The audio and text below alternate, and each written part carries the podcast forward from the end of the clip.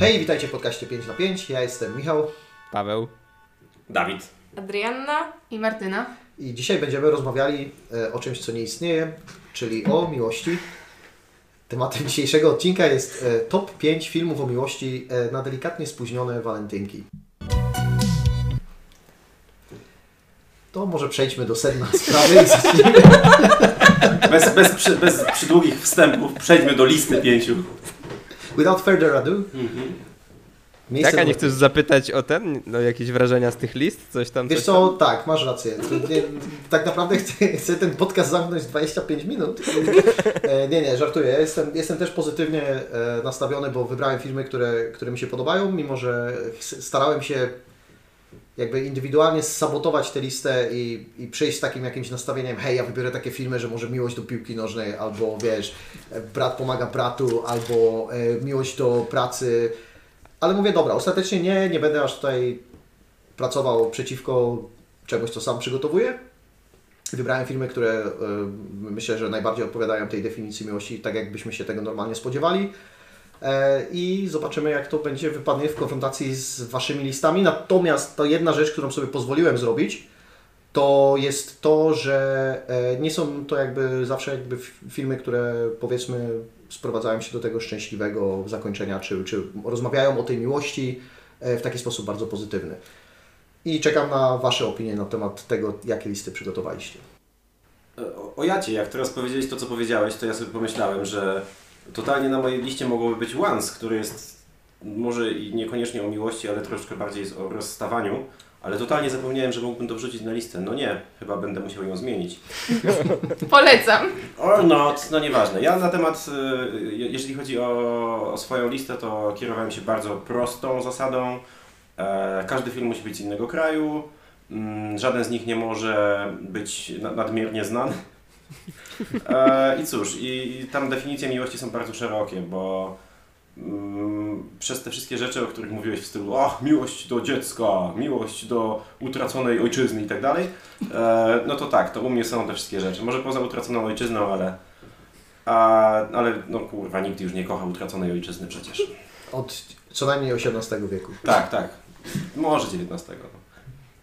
Skoro Dawid jest tym razem najbardziej e, edgy osobą w swojej topce, to z kolei ja byłam edgy ostatnio. Dzisiaj jestem najbardziej normicką, po prostu topką ever. Zwłaszcza, e, uwaga, żart, który już został za bardzo użyty, ale ze względu na mój wiek, to myślę, że moja topka idealnie odzwierciedla po prostu ulubione filmy Gen Z.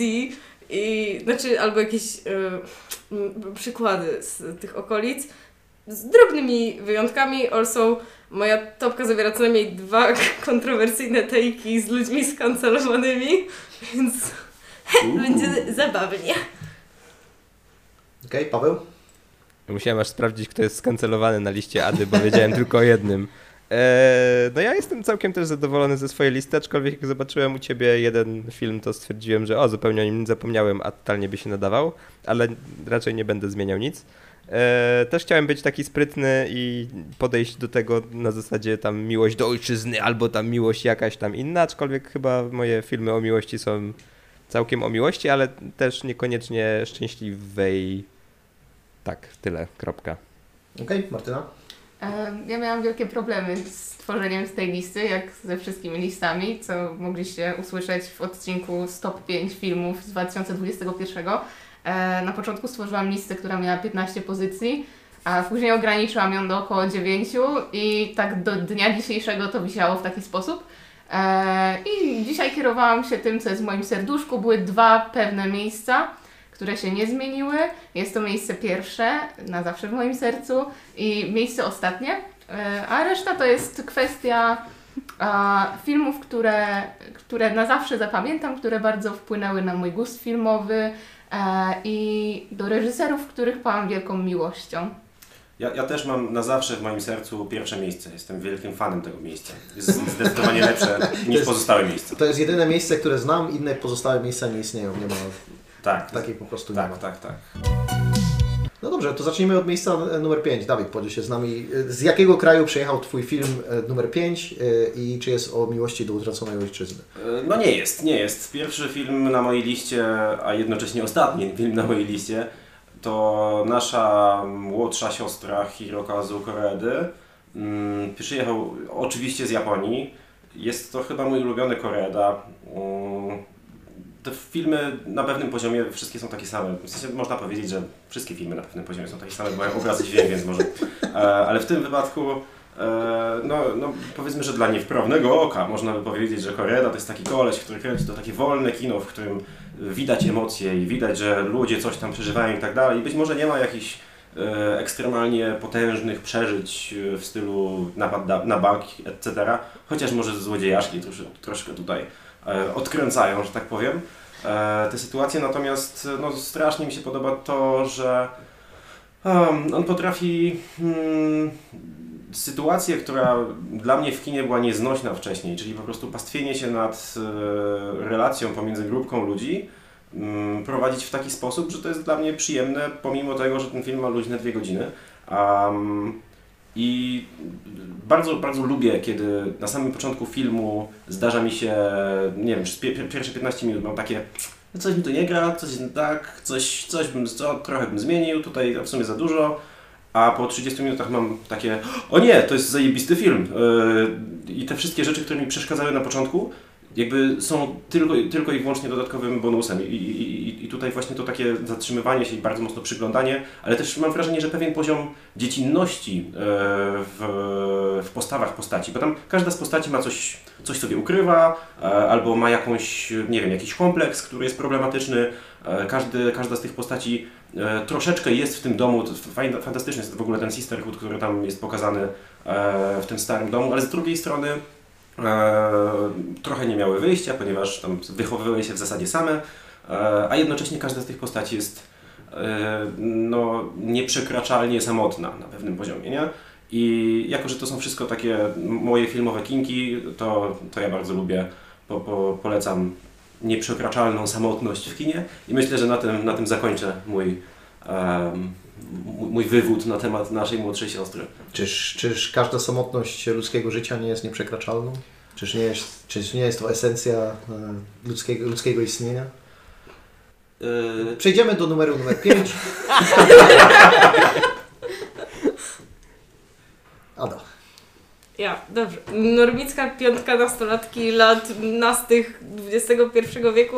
Zaczyna się od filmu, który jest jednym z tych bardziej normickich i jest to Love Rosie. I to jest pozycja, nad którą najdłużej zastanawiałam się, czy w ogóle umieścić ją w mojej topce, ale jakoś w zeszłym tygodniu miałam taki dosyć beznadziejny dzień i wróciłam wieczorem do mieszkania i uznałam, chcę obejrzeć Love Rosie. I zrobiłam to i wtedy zrozumiałam, okej, no jakby muszę już to przypieczętować w swojej topce. To nie jest jakiś wybitny film, to jest do, do, dokładnie. Dziękuję Martyna za pot- potwierdzenie. Dla tych, którzy słuchają tego w wersji audio, Martyna y, potwierdziła głową. Dziękuję. Y, moją opinię. Y, No to jest taka historia pod tytułem Dwójka ludzi przyjaźni się bardzo długo i oni się tak bardzo długo nie mogą zejść, a są dla siebie bardzo ważni i po drodze jest mnóstwo innych ludzi, którzy poznają, z którymi się wiążą, ale to nigdy nie jest to, ponieważ oni muszą wrócić do siebie, no i jakby no, no, no to się dzieje w końcu. I co jednak bardzo lubię w tym filmie, to jest właśnie jakaś ta relacja gdzieś tam wiążąca się między tymi ludźmi. Gra tam, uwaga, uwaga, uwaga, top normickich aktorów dla nastolatek. Sam Claflin i Lily Collins. And I mean, jestem prostym człowiekiem. He's hot. Jakby No dobrze, dobrze, że nie wybrałaś przynajmniej tego e, z Emilią Clark. O Jezu, a bo to jest zły film bardzo. Bardzo. Zanim się pojawiłeś. No. Tak, bardzo. Bardzo, to jest bardzo szko- szkodliwy film i, i Love Rosie czym się broni nie jest aż takie szkodliwe. Bo, bo, bo... Jak inne filmy, które pojawią się na tej liście. Powiedziałbym tak 90% z nich. a, Znaczy, no nie, bo dobra, w sensie są. Y, y, y, jeśli jestem już jakby na tym etapie moich lat nastolenckich, ponieważ ten film wychodził jak miałam 14 lat i wychodziły też wtedy inne filmy, jak na przykład Gwiazd naszych wina i uważam, że cała seria filmów o nastolatkach z rakiem, które się wtedy działy, właśnie to, jest, to było taką rzeczą, nie? to było... Tak, tak, film, filmy o nastolatkach z rakiem, które, które walczą, aż się po prostu zatrzą. Czy można powiedzieć, że filmy o nastolatkach z rakiem były rakiem kina? Jest. były i, i bardzo się cieszę, że w którymś momencie życia jednak obudziło się we mnie myślenie krytyczne, bo mogłabym mieć o wiele bardziej najebane w głowie, gdyby nie to. E, aczkolwiek i, i właśnie na tle tego wszystkiego wyłania się Love Rosie, które jest najmniej szkodliwe, jest całkiem po prostu sympatyczne. Miło się to ogląda, jest, jest, jest ewidentnie po prostu fajna chemia między tymi bohaterami. I, I moje nastolenckie serce należy właśnie tam i myślę, że mogłoby należeć do gorszych miejsc. To mówiąc, mówiąc o fajnej chemii, przejdziemy do mojego top 5, bo zastanawiałem się w jaki sposób. Trainspotting, co? Ja chciałam się jeszcze odnieść.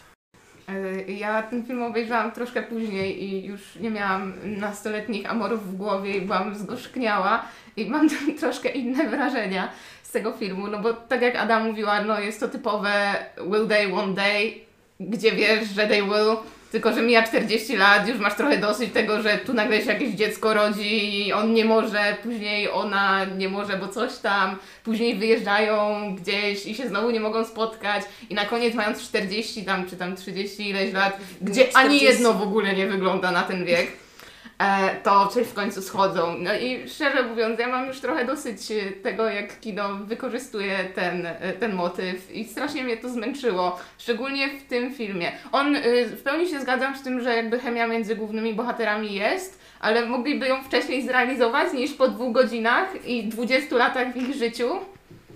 No ale- rozwodach, Ja- ja dzieciach i... Ale tam się dzieją rzeczy. And also jako... Mogę zaraz Jasne, jasne, ja tylko się zgłaszam, że chcę potem po tobie. Mów, mów. Dobrze. E, ja, jako jakby w moich latach nastolenckich miałam też więcej czasu w życiu, więc zazwyczaj kiedy pojawiały się takie filmy, ja też czytałam książki. Tutaj również przeczytałam książkę, którą napisała pani, która napisała też PS Kocham Cię, którego już nie czytałam akurat. Ale y, ta książka była w ogóle y, opowieścią epistolarną, czyli złożoną z listów i SMS-ów i, i takich rzeczy. I pamiętam, że doświadczenie książkowe było również y, ciekawe i, i wtedy jakby w jakiś sposób wydaje mi się ciekawiej to się obserwowało na zasadzie właśnie takiej trwającej relacji i wtedy bardziej odczuwało się to, że jednak w, i, w ich życiu działy się rzeczy i jednak wtedy ta relacja nie była taką osią, y, ale była po prostu czymś, co, co, co zawsze wracało. Dawid? Ja chciałem zapytać, bo mówisz, że jest w tym filmie chemia pomiędzy bohaterami e, i zastanawiam się, czy chcę go, chcę go obejrzeć, w związku z czym pytanie brzmi, czy jest również między nimi fizyka?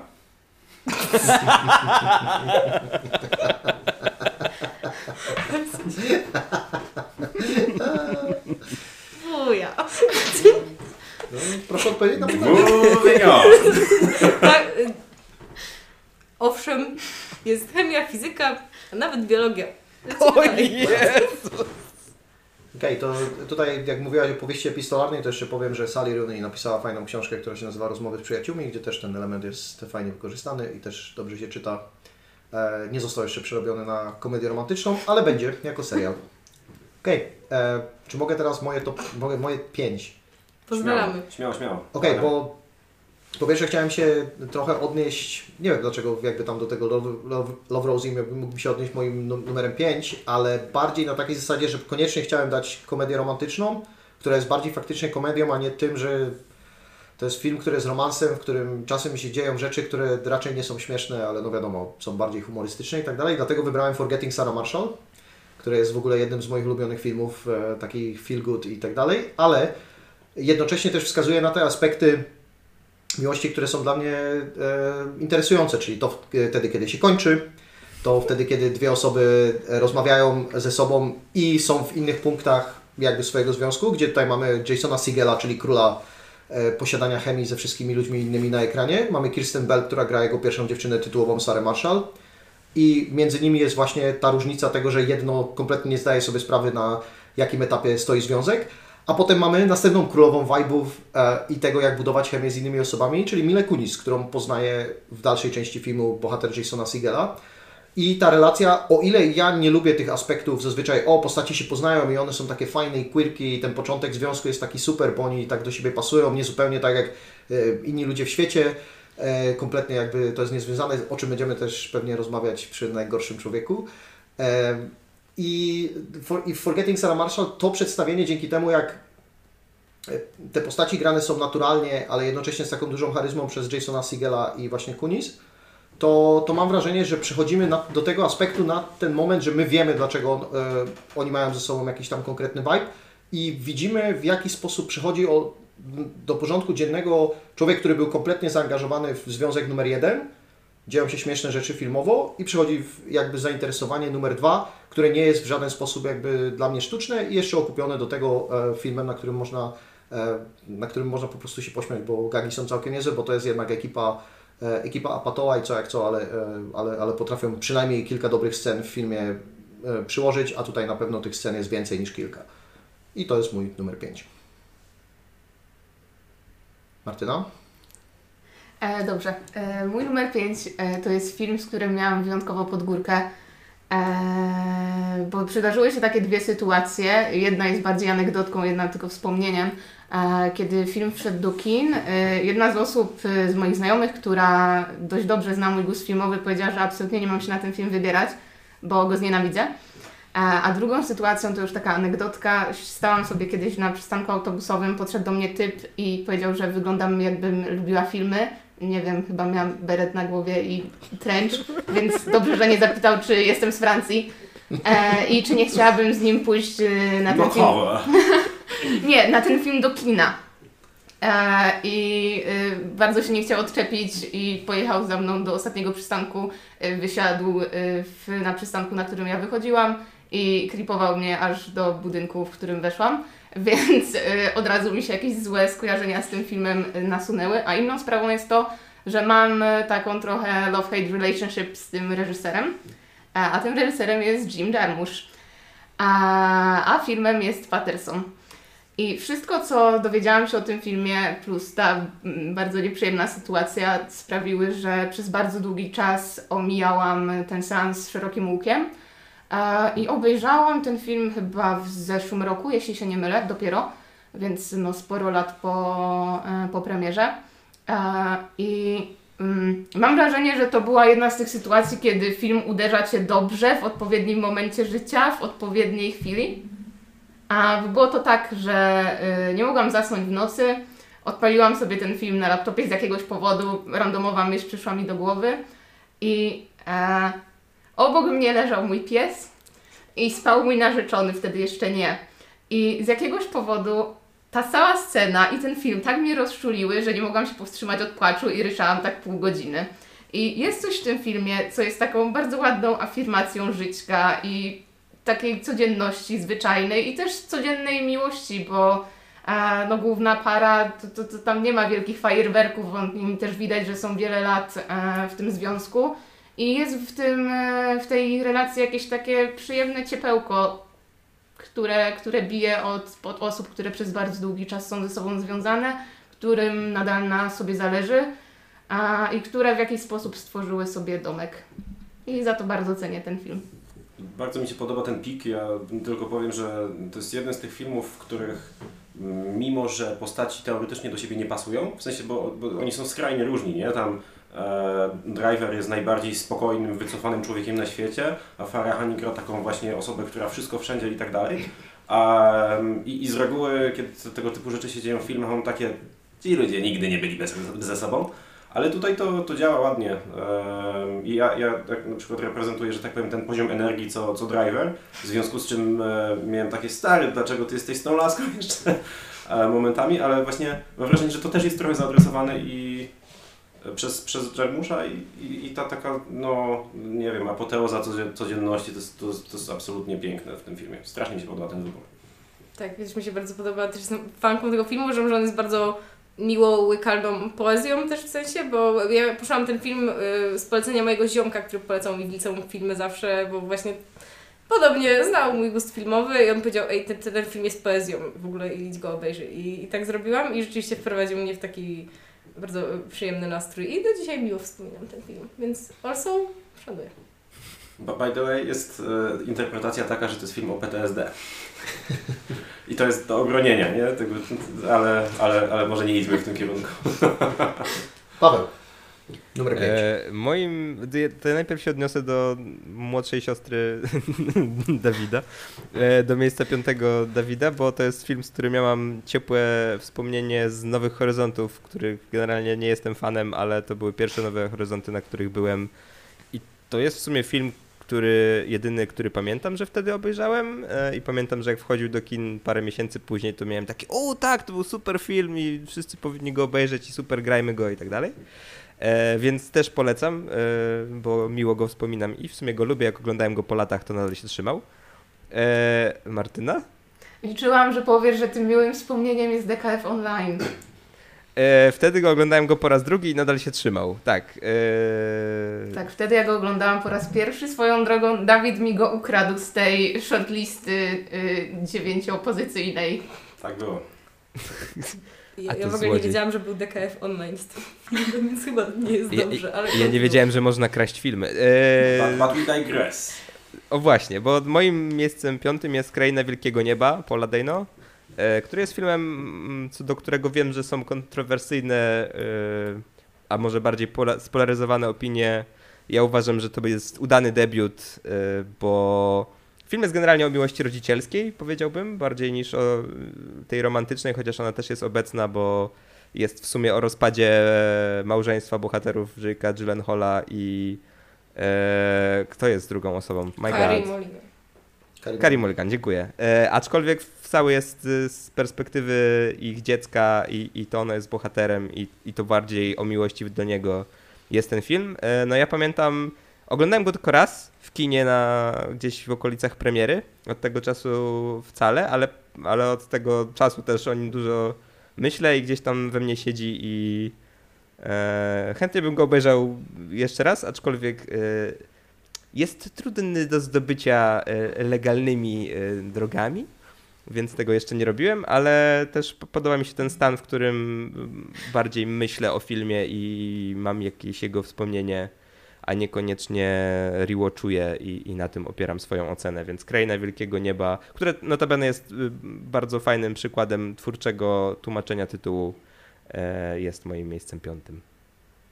Fajny film, robiłem z niego DKF. Ja, y, ogólnie Paweł bardzo się że powiedziałeś o tłumaczeniu, bo jak y, znasz mojego ulubionego kolegę twojego, Pawła, w sensie mojego ulubionego, no wiesz o co chodzi, to on właśnie też bardzo jest zachwycony tym tłumaczeniem, a osobiście jestem bardzo zachwycona tym filmem, jakby nie do końca jako całością, ale jestem wielką fanką w ogóle wrażliwości Paula Dano i to chyba i takiej aktorskiej i tej reżyserskiej, która się w tym filmie gdzieś pokazuje, więc także jakby przez to ja uważam, że to jest ba- bardzo udany debiut. Ja, mi się najbardziej podobało i największą miłością darzyłem Paula Dano, jak krzyczał na niego Hugh Jackman i mieszkał za, e, za tą taką ścianką. Jak zaczynałeś to zdanie, to wiedziałem, jak ono się skończy. Tak. Mi się podobało, już wiedziałem, gdzie jesteśmy. Myśla, myślałem, że jak jechał na pierdzącym Danielu Radcliffe'ie, to będzie kontynuacja tego zdania, ale To jest mój Poszedł- ulubiony Dano. Nie jestem, nie jestem wielkim fanem tego filmu, ale ponoć e, ci dwaj ziomkowie wypuszczają jakiś nowy, który jest ponoć całkiem spoko, więc... e, ponoć Eee. tak jest. To ja tylko jeszcze dopowiem do Krainy Wielkiego Nieba, że to jest film, który mnie co, co scenę właściwie byłem na krawędzi jakiejś emocji, takiej, że nie był to płacz, ale tak było, coś się we mnie burzyło i pulsowało i nigdy ta granica nie została przekroczona, ale no jakby uczucie było trzymania w tym napięciu było na tyle silne, że no gdzieś to zostało we mnie i, i trzyma do dziś. Więc wydaje mi się, że jest to jakiś znak, że reżyser umiał robić rzeczy. Okej, nie trzymajmy słuchaczy na krawędzi Czy chcemy Przejdź- dżingiel na miejsce czwarte? i przejdźmy, e, proszę bardzo. Miejsce czwarte. Okej, Martyna, twoje miejsce czwarte. O Jezus, tak z zaskoku. E, dobrze, to jest kolejny film, o którym Dawid będzie mógł powiedzieć, że prowadził DKF. E, I jest to film mojego prawdopodobnie ulubionego reżysera. E, I jest to film Boy, nie mylić z The Boy i nie mylić tym bardziej z The Boy 2. E, jest to film, który opowiada o takim bardzo dużym pragnieniu miłości ojcowskiej, rodzicielskiej. E, I tak naprawdę przez długi czas zastanawiałam się, który film Tajki y, dać na któreś z miejsc, e, bo tak jak wspominałam, bardzo chciałam, żeby moja lista zawierała tych reżyserów, których cenię sobie najbardziej. E, I w sumie do ostatniego momentu wahałam się pomiędzy Dzikimi Łowami, a właśnie filmem Boy. E, I jest jakieś takie bardzo wyjątkowe ciepło w tych wszystkich filmach e, Tajki, które właśnie one, większość z nich, tak jak doszliśmy do wniosku podczas dyskusji, gdzieś tam opowiada właśnie o tych relacjach e, rodzicielskich. Praktycznie każdy z jego filmów e, gdzieś tam porusza ten temat, e, szczególnie e, rodziców dysfunkcyjnych bądź nieobecnych.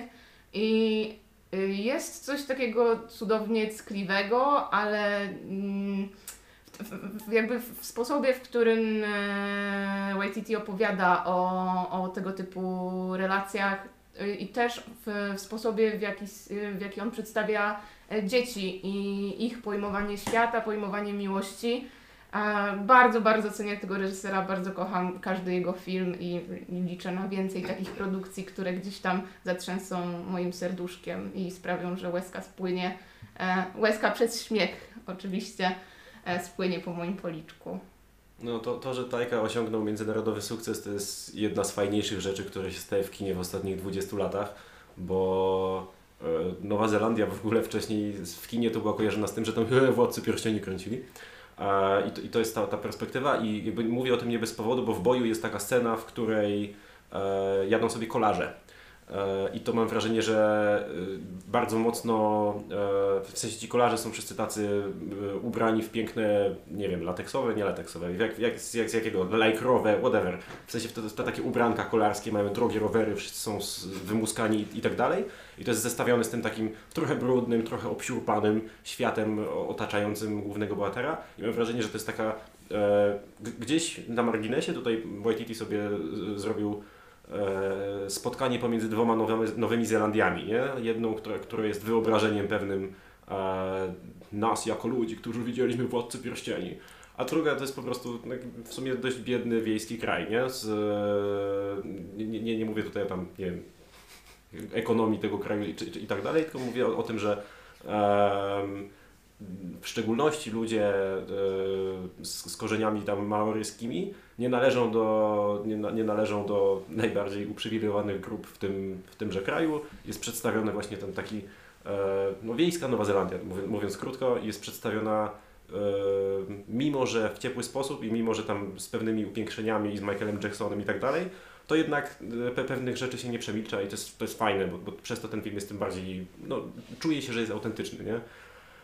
Nigdy tam nie byłem, więc może, może to jest totalnie wy- wymyślona wizja reżysera, ale A po to jest film, żeby zabrać Cię w dane miejsce i powiedzieć Ci, to jest prawda ekranu, którą ja Ci teraz przedstawię o danym miejscu, która może być zgodna, a może być niezgodna z tym, kiedy Ty się z nim spotkasz, bo też nie wiesz, z, jakim, z jaką częścią danego miejsca będziesz miał przyjemność obcować. Okej, to numer 4 od Ady. Okej, moje numer 4. Nadal jesteśmy w świecie normickim lat nastych. Call me by your name, Luca Guadagnino.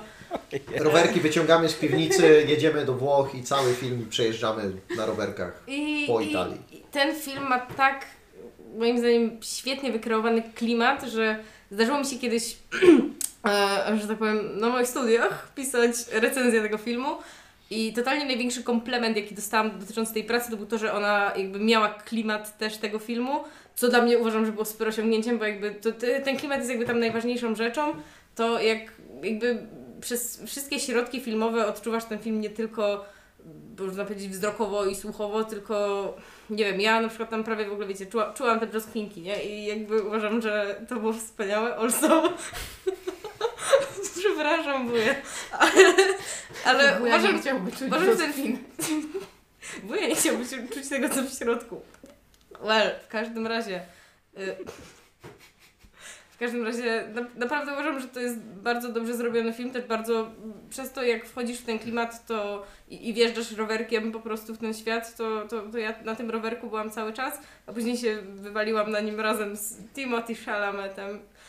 Osobna sekunda na to, by powiedzieć, że Timothy Chalamet jest wystarczającym powodem, żebym bardzo lubiła ten film. Ale potem był Michael Sturbark, żeby mu pomóc wsiąść na ten rowerek z powrotem. Tak było. I to, to, to też jest piękna scena jakby ro- rozmowy z, z, ze starym, nie? I ja jakby nie, nie, nie jestem chłopem, który dba o relacje ze starym, a wydaje mi się, że to jest jakby też ważna rzecz czasem. To jakby zrozumiałam z tego Martyna, że w Twoim filmie jakby ojciec-syn relacja była ważna, tak? W sensie w boju, bo ja nie oglądałam. Tak, tak, tak. O, to musisz nadrobić koniecznie. koniecznie, koniecznie. U, Ada, koniecznie. No ja chciałem tylko powiedzieć do Call Me By Your Name, którego nie jestem fanem, że w sumie scena rozmowy na kanapie z ojcem to jest y, scena, dl- dla której dla mnie ten film istnieje. Yy, No i wydaje mi się, że tylko dla niej warto obejrzeć, a jak tam ktoś znajdzie inne rzeczy typu Timothy Chalamet, to plus dla niego. Czy, czy mogę jeszcze? Bo jakby y, uważam, że nie tylko scena z ojcem, uważam, że wszystko, ale też znalazłam się kiedyś w sytuacji, w której realnie rozmawiałam z moim znajomym,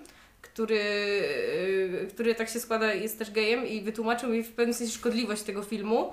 E, zwłaszcza w, w kontekście jakiejś różnicy wieku i, i rzeczy tam zachodzących i wtedy byłam taka okej, otworzyłeś mi oczy na to, że nie jest to film, który można wyświęcać, ale jako stricte dzieło filmowe, to, to ja nadal jestem jakby zachwycona tym, co, co się tam wydarzyło. Jestem zachwycona tym, że jakby no, wy- wybiło to Timothy Chalameta, który jest stolną bestią. But also mamy tu pierwszy element kancelowanych osób. A, To Jest to tak. also Armie Hammer. I to Okej. na ten moment jest dosyć problematyczną kwestią, ale no ja po prostu lubię tą historię, lubię też to, jak opowiada ona właśnie o tym, jak jakieś przejmujące jest dla młodego człowieka się tak zauroczyć solidnie po raz pierwszy i, i also ostatnia scena z w ogóle piękna jest muzyka w tym filmie. O Boże, czy ja jeszcze nie powiedziałam Sufjan Stevens, osobna sekunda dla Sufjana Stevensa. I mean, te, ten pan też mi dużo robi muzycznie i to nie tylko piosenkami do tego filmu, ale zarówno cała sekwencja, która jest tam z Mystery of Love i właśnie ostatnia scena z Visions of Gideon, na której jakby płaczesz z Timim przy kominku i, i jest wam prawie tak samo smutno, chociaż nie, nie przeżyłeś dokładnie tego. Ale to tyle. Tak, Dawid? Ja, ja tylko chciałem powiedzieć, że y, ta scena, o której Paweł wspomniałeś, y, to jest y, ten jeden na 5 lat moment, w którym sobie przypominasz, jak dobrym aktorem jest Stulbarg. Tylko, że jakoś tak reżyserowie, czy tam reżyserzy nie, nie, chcą go, nie chcą go specjalnie pchać ani na pierwszy plan, ani nigdzie, więc bardzo rzadko jest ta okazja, ale e, no ja odkąd zobaczyłem poważnego człowieka, to jestem psychofanem tego, tego gościa. Uważam, że jest wybitnym aktorem i, i szkoda, że jest go tak mało. Michał, twoje miejsce czwarte? Tak, to teraz e, przy moim miejscu czwartym to przejdziemy od ludzi, którzy nie robią nic konkretnego w życiu, w sensie nie zajmują się niczym poważnym, nie są przydatni do społeczeństwa i o nich fajnie sobie film opowiada, że jeżdżą sobie na rowerkach i, i mają fajną willę we Włoszech. Przejdziemy do bohaterów, którzy mają bardzo ważne zadanie, którzy jak do niego podchodzą, to podchodzą do niego bardzo profesjonalnie. Nawet wtedy, kiedy świat tak naprawdę zmierza ku końcowi, bo moim numerem 4 jest Wally. E, I Wally to jest e, naprawdę wysoko w tych animacjach Pixara, które, które lubię i pewnie jakby przedstawienie teoretycznie związków e, takich trochę, do których możemy się trochę bardziej odnieść jest pewnie i w Toy Story e, i, i nawet jak mamy w Inside Out przedstawienie relacji pomiędzy rodzicami, to, to, to tam wygląda to trochę bardziej realistycznie, ale jedną z rzeczy, która mnie tutaj jakby przyciągnęła do tego, żeby powiedzieć o tym filmie jako reprezentancie filmów, które są o miłości, jest to, że, są, że to nie są ludzie. Że oni nie są, a ludzie są frustrujący i mnie nie interesują za bardzo. E, I, i w tym momencie mamy, mamy Walliego, który jest doskonale, zajmuje się tym, co mu powierzono, to, to jakie, jakby do jakiego zadania jest e, przygotowany, przystosowany i traktuje je poważnie, mimo że już kompletnie nikogo innego na świecie nie ma, co tutaj jest bardzo fajnie pokazane jako ta alienacja od reszty rzeczywistości. I, ale pozostaje w nim dusza idealisty, pozostaje w nim dusza romantyka i ona wychodzi dopóki, kiedy, dopóki spotyka, znaczy wtedy, kiedy spotyka taką, mm, takie trochę przeciwieństwo siebie, czyli, czyli taką lekko pewną siebie, buńczuczną i w która ma w sobie taki ten diabelski lekko stryk do tego, żeby się mu lekko naprzykrzać i tak dalej i on całkowicie się dla niej zatraca, jednocześnie nie gubiąc tych wszystkich swoich podstawowych wartości, co uważam, że tutaj z tych wszystkich w ogóle moich filmów to to jest taki najbardziej pozytywny związek, po, związek e, czy też najbardziej pozytywne przedstawienie e, jakby relacji pomiędzy dwiema postaciami, e, ponieważ e, jedna postać to, co może w sobie jakby poprawia, a druga uczy się od tej drugiej osoby i tak na, na samym końcu po prostu uzupełniają się w taki nietoksyczny i, i dobry sposób, jednocześnie tworząc to na bazie takich wydarzeń, które mają bardzo duże znaczenie i tak naprawdę w jakiś sposób komentują naszą, naszą, naszą rzeczywistość. Czyli mimo, że ten związek jest bardzo ważną częścią filmu, to, to jest jednak wpleciony w ten sposób, że ma odniesienie do tego, jak ta fabuła tam współpracuje, co też jest tym elementem, chciałem, który chciałem po prostu zawrzeć e, w mojej liście. Ja, ja jakby mam wrażenie, że wszyscy widzieli ten film, ale jakoś tak y, nie mam nic do dodania, nie? O, okej, dobra, sorry. E, ja, ja, ja powiem tylko tyle, że z, z filmów o miłości od Pixara to ja, jest jeden, który cenię wyżej, jest to Odlot. Odlot totalnie. Pozdrawiam teraz mojego kolegę Marka z pracy, z którym jestem umówiona na oglądanie odlotu od bardzo dawna. Teraz nie powiadomiłam go, że mam czas w lipcu, więc trochę słabo, ale, ale właśnie kiedy y, opowiadałam mu, że ho, ho, ja i mój podcast będziemy nagrywać top 5 filmów o miłości i pytałam o jego ulubione filmy o miłości, to on właśnie powiedział, że jest to Odlot i wtedy zrozumiałam, że muszę go obejrzeć, ale może zaproponuję mu w takim razie, żeby połączyć to z seansem Wally i nadrobię wtedy więcej rzeczy, żeby Paweł nie mógł się wzburzać na to, że widziałam dwa filmy w życiu. No, totalnie. Jakby wszystkie Pixary do, nie wiem, ostatnich pięciu lat są totalnie must see. Wy- Wydaje mi się, że ostatnim takim must, must see jest Inside Out, nie? W sensie tam są ludzie, którzy jeszcze Koko...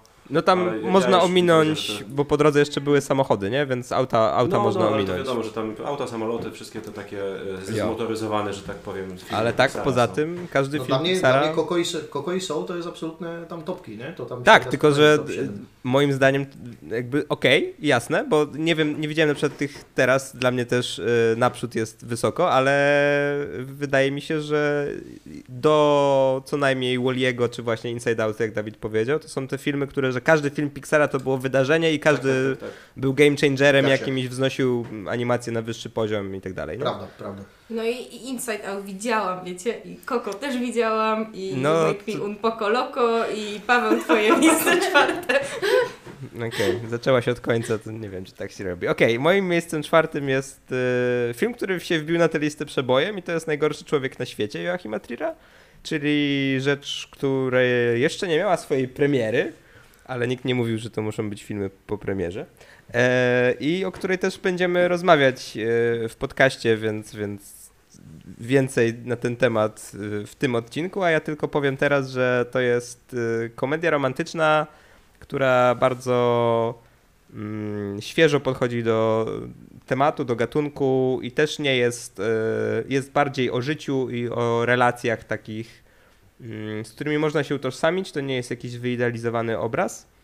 E, Może jedyne, co jest wyidealizowane, to to, że bohaterami są mieszkańcy Oslo i trudno się do nich odnieść, jak się mieszka w Poznaniu, bo, bo jedno pracuje w, bibliote- w księgarni, a drugie jest baristą i mogą się utrzymać za swoje pensje, więc y, no, polski widz ma, może mieć z tym problem, ale poza tym jakby wszystkie elementy relacyjne to jest coś, co do mnie bardzo trafiło i gdzieś film ze mną bardzo zarezonował.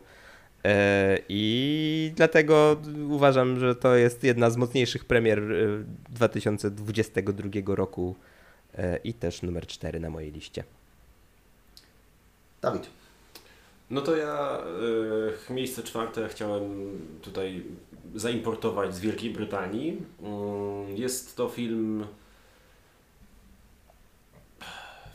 Nie pamiętam jego, jego tytuł. Piękny kraj. Piękny kraj, piękny świat przez chwilę w głowie. Tak nie, To nie, jest tak się... film z Costnerem i z dzieckiem. Tak, tak, tak. E, Też, też, no nieważne. W każdym razie piękny kraj. E, Ja na miejscu czwartym, podobnie jak Ada, umieściłem e, film o miłości między dwójką mężczyzn. W tym konkretnym wypadku jest ona jednak znacznie bardziej, powiedziałbym, że brytyjska i to tak mm, brytyjska nie w miastach, tylko raczej na, na prowincji. E, Bo film opowiada o takim chłopaku, który sobie żyje w jakiejś wiosce. Wydaje mi się, że gdzieś tam niedaleko Brighton, jeżeli dobrze pamiętam, ale to w sumie nie jest specjalnie istotne. I pomaga w gospodarstwie e, rolnym. Tam zajmuje się zwierzakami, ma, ma bardzo, bardzo dobre, dobrą rękę do nich, a jednocześnie jest fatalny w kontaktach z ludźmi i je- jego, mm, powiedzmy, że z, kontakty tam y, bliskie ograniczają się do tego, że od czasu do czasu idzie się najebać i potem y, zaciąga losową dziewczynę do, do toalety w, w barze. Szczerze mówiąc nie pamiętam, czy on już wtedy wie, że, że jest gejem, czy jeszcze wtedy nie wie, ale to w sumie nieistotne. I pewnego pięknego dnia do, do pomocy na tym gospodarstwie przyjeżdża piękny Rumun em, i pomiędzy nimi się taka mm, Nie powiedziałbym, że w żaden, sposób, w żaden sposób, że to jest zdrowe, to co się między nimi dzieje, bo to jest tak bardzo mocno oparte na przemocy e, od samego początku, na takiej rywalizacji. Dopiero po przekroczeniu pewnej granicy e, ten koleś jakby dociera do, do, do emocji, które ma w środku, bo wcześniej nie był w stanie ich procesować i tak był taki ba bardzo mocno zamknięty. E, no i w dużym skrócie ten film mówi o tym, że e, drugi człowiek jest w stanie w jakiś sposób pomóc Tobie przekroczyć Twoje własne ograniczenia albo pomóc, e, jakby to powiedzieć, mm, poprzestawiać Ci rzeczy w głowie, da, nada- nadać nową perspektywę i w momencie, w którym jesteś całkowicie odcięty od, in- od innych ludzi i tak mm, traktujesz ich na dystans, no to wtedy em, to trochę Cię może ominąć. I to, co jest najistotniejsze w, w Pięknym Kraju, to jest właśnie przemiana głównego bohatera, którą przechodzi od samego początku do samego końca. Co nie zmienia faktu, że e, ja najbardziej cenię sobie ten film za, za to, w jaki sposób ewoluuje relacja między tymi dwoma bohaterami i bardzo lubię to, że to się dzieje naprawdę na takiej ostrej prowincji, więc tam e, są takie sceny tarzania się w błotku, są takie sceny, no nie wiem, spania w oborze i tak dalej.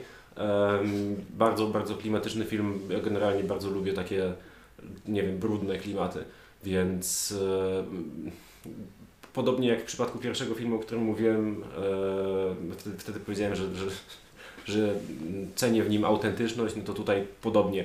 Em, podobnie to, to, że to jest wszystko takie um, wiejsko, zwierzęco, pobrudzono, błotne, to, to, to sprawia, że ja czuję ten, ten klimacik i, i, i to dla mnie stanowi o autentyczności tego filmu.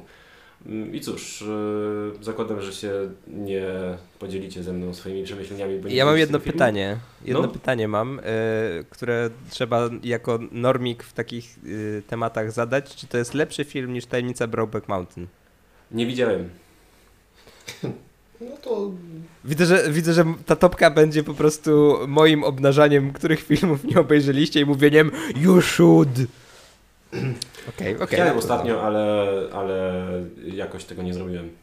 Nie, nie, bo pytanie zadaję, bo Brokeback Mountain jest chyba takim topem, jeśli chodzi o y, filmy LGBT y, w mainstreamowym. Rozumiem, rozumiem. No tam to, to też się dzieje na wsi, ale to jest amerykańska wieś i tam wszyscy są troszeczkę ładniej ubrani i w ogóle to jest, to jest mało autentyczne przez to.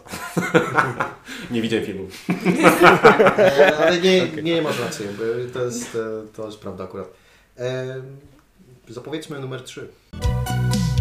Miejsce trzecie. Ja teraz odwołam się do tego, co powiedziałeś, bo ja pójdę, zostanę w Wielkiej Brytanii, e, ale tym razem pójdziemy w kompletnie innym kierunku, czyli do miejsc, w miejscu, w którym jest nieskazitelnie czysto. Właśnie przez to między innymi jak główny bohater e, na to pracuje, bo, bo film dzieje się w jakby takiej wielkiej posiadłości Lorda Darlingtona, który, e, która jest obsługiwana przez takich takich klasycznych, znanych z filmów i seriali brytyjskich e, butlerów i batmanów i first footerów i innych tam tego typu ziomków, którzy usługują innych ludziom, ale nie są nazywani służący, nie, nie służącymi, tylko niewolnikami i są Wszyscy- z tego dumni. Wszyscy mają na imię Richard, jak Tak, rozumiem, tak? tak, tak, oczywiście, że tak.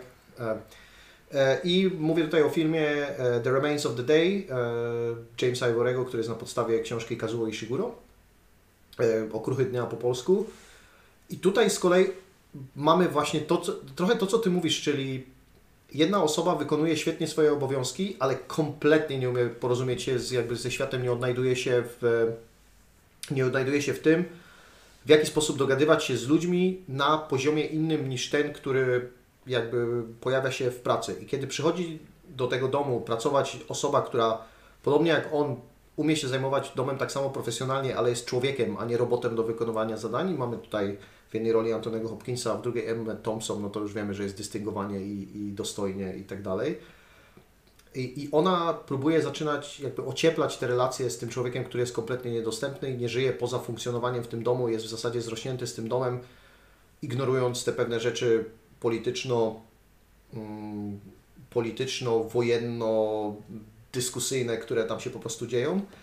I na tle tego znowu mamy ten rozwija, tę rozwijającą się i poprawiającą się relację, która przesuwa się tak tempem, powiedziałbym, mocno zamarzniętego lodowca, bo Antony Hopkins kom, kom, kompletnie nie chce jakby do siebie dopuścić takiej myśli, że o, może jest coś więcej między nami, że, że może ta relacja jest jednak tam trochę bardziej interesująca niż idź teraz wywieźć tę pościel albo każ tym maidom e, zająć się jakąś sypialnią, tam pani Darlington i tak dalej.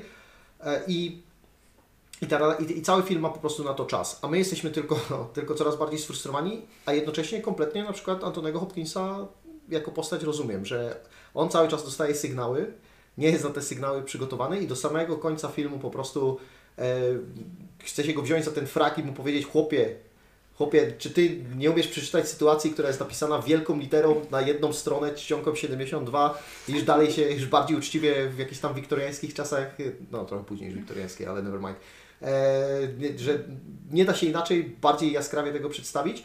I to jest miłość taka, która e, przechodzi gdzieś bokiem, której po prostu nie jesteśmy w stanie dostrzec, ale trochę robimy to jakby na własne życzenie i to jest, to jest smutne, ale jednocześnie też nie mamy wrażenia, że z, postaci, że z perspektywy postaci Antonego Hopkinsa, że to jest jakby jakaś najgorsza rzecz, która dla niego się, dla niego się stała. I, to jest właśnie o tyle interesujące, e, że jest ta widzialna i, czu, i frustracja, którą da się wyczuć, ale tak do końca i my jako oglądacze filmu e, mamy takie prawo pomyśleć, że kurde, to jest strasznie frustrujące, on spieprzył, ale z perspektywy postaci wcale tak nie musimy jakby poczuć. Może ktoś następno powiedzieć o swoim filmie numer 3. Do moich filmów nikt nie ma komentarzy, bo nikt nie ich nie ogląda. Ale chociaż nie jesteś, nie grozisz nam paluszkiem jak pan, że nie oglądaliśmy twoich filmów.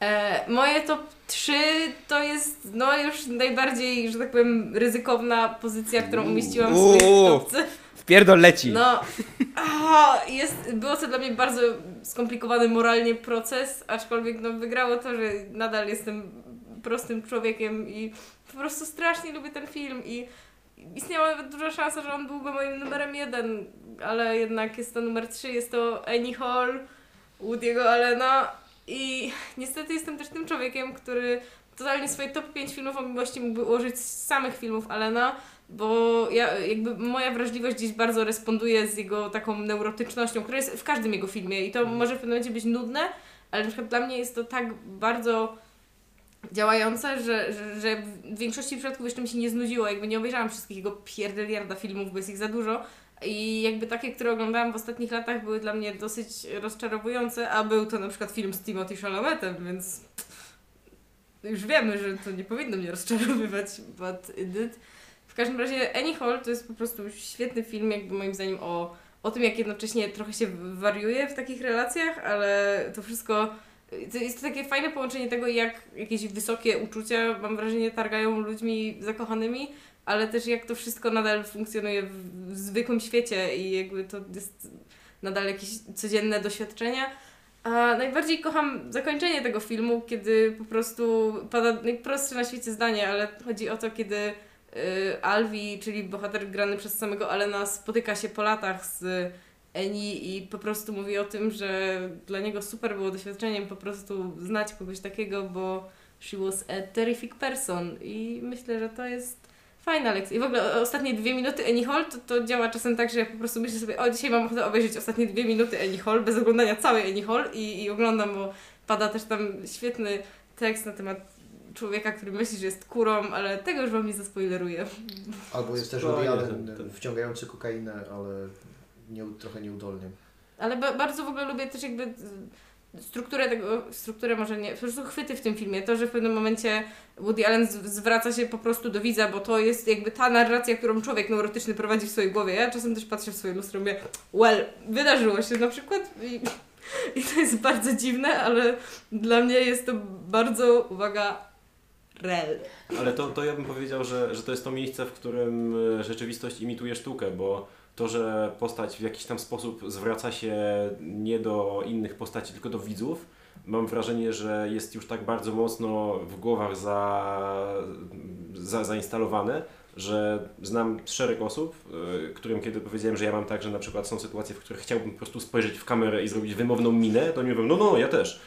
Wyobrażam sobie, że że, że troszeczkę, troszeczkę tym 47 lat temu był, było spojrzenie w kamerę, czyli wyciągnięciem losowego ziomka i zapytaniem go, czy on naprawdę to powiedział, a potem wiesz, spojrzenie w kamerę.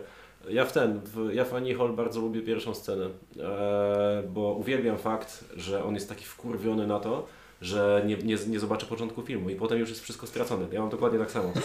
E, Tak. Nie, nie znoszę oglądać filmu od, od 30 sekundy, Boże drogi, najgorzej.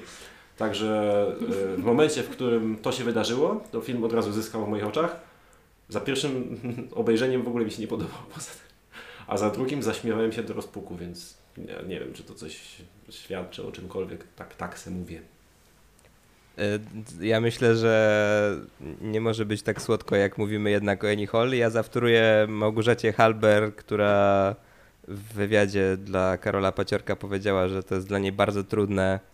E, Było jej, chyba była odpowiedź na pytanie o jej ulubiony film. Było kiedyś Annie Hall, e, no ale po tym jakby jak się dowiedziała o tam kontrowersjach, nazwijmy to eufemistycznie, e, wobec Alena, no to to już nie może być jej ulubiony film. Ja w przeciwieństwie do... dlaczego? No, Bo, no bo jednak. Okej, to ja powiem, jaka jest moja perspektywa. Bo ja obejrzałem Allen vs. Farrow i. No, czuję się trochę moralnie źle z tym, że bardzo mi się podobają filmy ziomka, który no, najprawdopodobniej molestował swoją kilkuletnią córkę. I uważam, że nie da się oddzielać w tym przypadku sztuki od artysty i mówić, o nie, ale to film. Mm, Nie, bo tak naprawdę oglądając tę sztukę wspieramy czyjeś życie, w sensie ktoś na tym zarabia pieniądze i robi te filmy dalej. No i fakt, że Allen jakby żyje w świecie, w którym mógł dalej robić swoje filmy, mówi nam dużo o świecie niestety. Eee, więc ja rozumiem ten wybór, bo Annie Hall było kiedyś moim ulubionym filmem, znaczy nie, nie ulubionym, ale w jakiejś takiej topce ulubionych filmów w ogóle.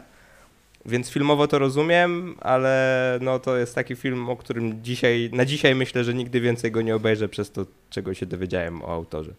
No ja rozumiem, bo dlatego też był dla mnie to problematyczny wybór, ale wydaje mi się, że na temat, jakby dyskusja na temat, czy można oddzielić y, człowieka od jego sztuki, jego pracy i tak dalej, to jest, to jest wiecie, odcinek na cały podcast, więc w sensie cały, od, y, kurwa, jak źle to powiedziałam. Cały, na cały odcinek. To jest temat Odcinek na, na cały, cały podcast. Dlatego Od dzisiaj każdy kolejny odcinek to jest odcinek na ten temat właśnie. Nie ma żadnych odcinków. To jest ostatni odcinek o filmach, drodzy widzowie, każdy następny. Dobrze, Dobrze, to Paweł. ja teraz brutalnie w takim Czekaj, razie... czekaj, czekaj, czekaj, czekaj, bo ja, nie ja będziemy toczyć tej dyskusji. tego. Nie będziemy toczyć tej dyskusji. Nie chcę toczyć tej dyskusji, chciałem tylko powiedzieć, że jest metoda, jak można sobie z tym poradzić w moralny sposób. Bo ja na przykład jestem i zawsze byłem wielkim fanem komedii Louisa C.K., który również w tym momencie jest, że tak powiem, pe- persona non grata i nie można dać mu zarabiać pieniędzy po tym, co zrobił, więc można to oglądać je nielegalnie, nie? I wtedy nikt na nich nie zarabia, a ja jakby mam, jakby, I, I got mine, że tak powiem. Wydaje mi się że okej, ostatnie, ostatnie zdanie w tej kwestii, bo, bo to nie jest problem, żeby dawać komuś zarabiać. Chodzi o to, że jakby aprobujesz czyjąś, w sensie wydaje mi się, że trzeba mieć gdzieś z tyłu głowy, oglądając, wiedząc o Alenie to, co można wiedzieć dzisiaj, e, to wydaje mi się, że trzeba mieć to z tyłu głowy oglądając te filmy, bo no bo inaczej to też wiesz, przyklaskujesz personie, tworzysz nazwisko, tworzysz pewien mit, mówisz w rozmowie, polecasz w podcaście i tak dalej, nie? Jakby idzie, puszczasz słowo dalej i to słowo i ten człowiek i to nazwisko wyprzedza jego czyny niestety. No, No, rozumiem też Paweł i wydaje mi się, że jest fajna scena, ponieważ ja zaczęłam ten temat, tego zamknę. Yy, Jest właśnie scena fajna w Allen vs. Farrow, które też oglądałam, która jakby to podsumowuje i zawiera nawet Annie Hall. I to jest właśnie scena, yy, gdzie jest jakby wspomnienie jakiejś gali, whatever, gdzie jakby właśnie wszyscy zachwycają się strasznie Allenem i wchodzi tam wiadomo Emma Stone i mówi o my super, wchodzi Diane Keaton jeszcze bardziej zachwycona. A chyba właśnie jeden z tych przybranych synów Alena napisał wtedy tweeta pod tytułem Ha, a o tym, że molestował swoją córkę wspomnieliście przed Annie Hall czy po? I zakończmy tym tę dyskusję. Okej, e, Dawid, numer 3. Okej, e, to, to tym razem wybieramy się w mroźne rejony północnych zakątków Europy, czyli do Finlandii, e, w której to Finlandii kilkadziesiąt lat temu istniał sobie taki ziomek, który był zawodowym, przepraszam, był mistrzem świata amatorów w boksie, czy jakoś tak. E, I przy swojej karierze zawodowej jego menedżer bardzo chciał zarobić troszkę pieniędzy, więc ustawił mu taką walkę z takim znanym amerykańskim bokserem i w ogóle. I ten koleś nazywał się Olimaki. I Olimaki z polskim wspaniałym podtytułem Najszczęśliwszy dzień jego życia, który w oryginalnym tytule też chyba jest, e, czy tam Najszczęśliwszy dzień w jego życiu.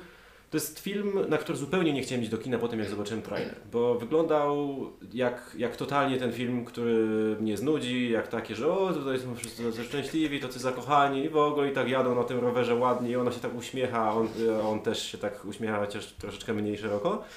A potem się okazało, że to totalnie nie jest ten film i to się okazało, że, że, że to jest film o ziomku, który w sumie w tę swoją karierę bokserską to jest zaangażowany emocjonalnie na poziomie 1% i tak właściwie to on, on już by się nie chciał lać z tym, z tym Amerykaninem, bo on tam, on się tu zakochał i on w sumie jest, jest taki raczej bardziej zainteresowany tym, żeby sobie spędzać czas z, z tą swoją dziewczyną.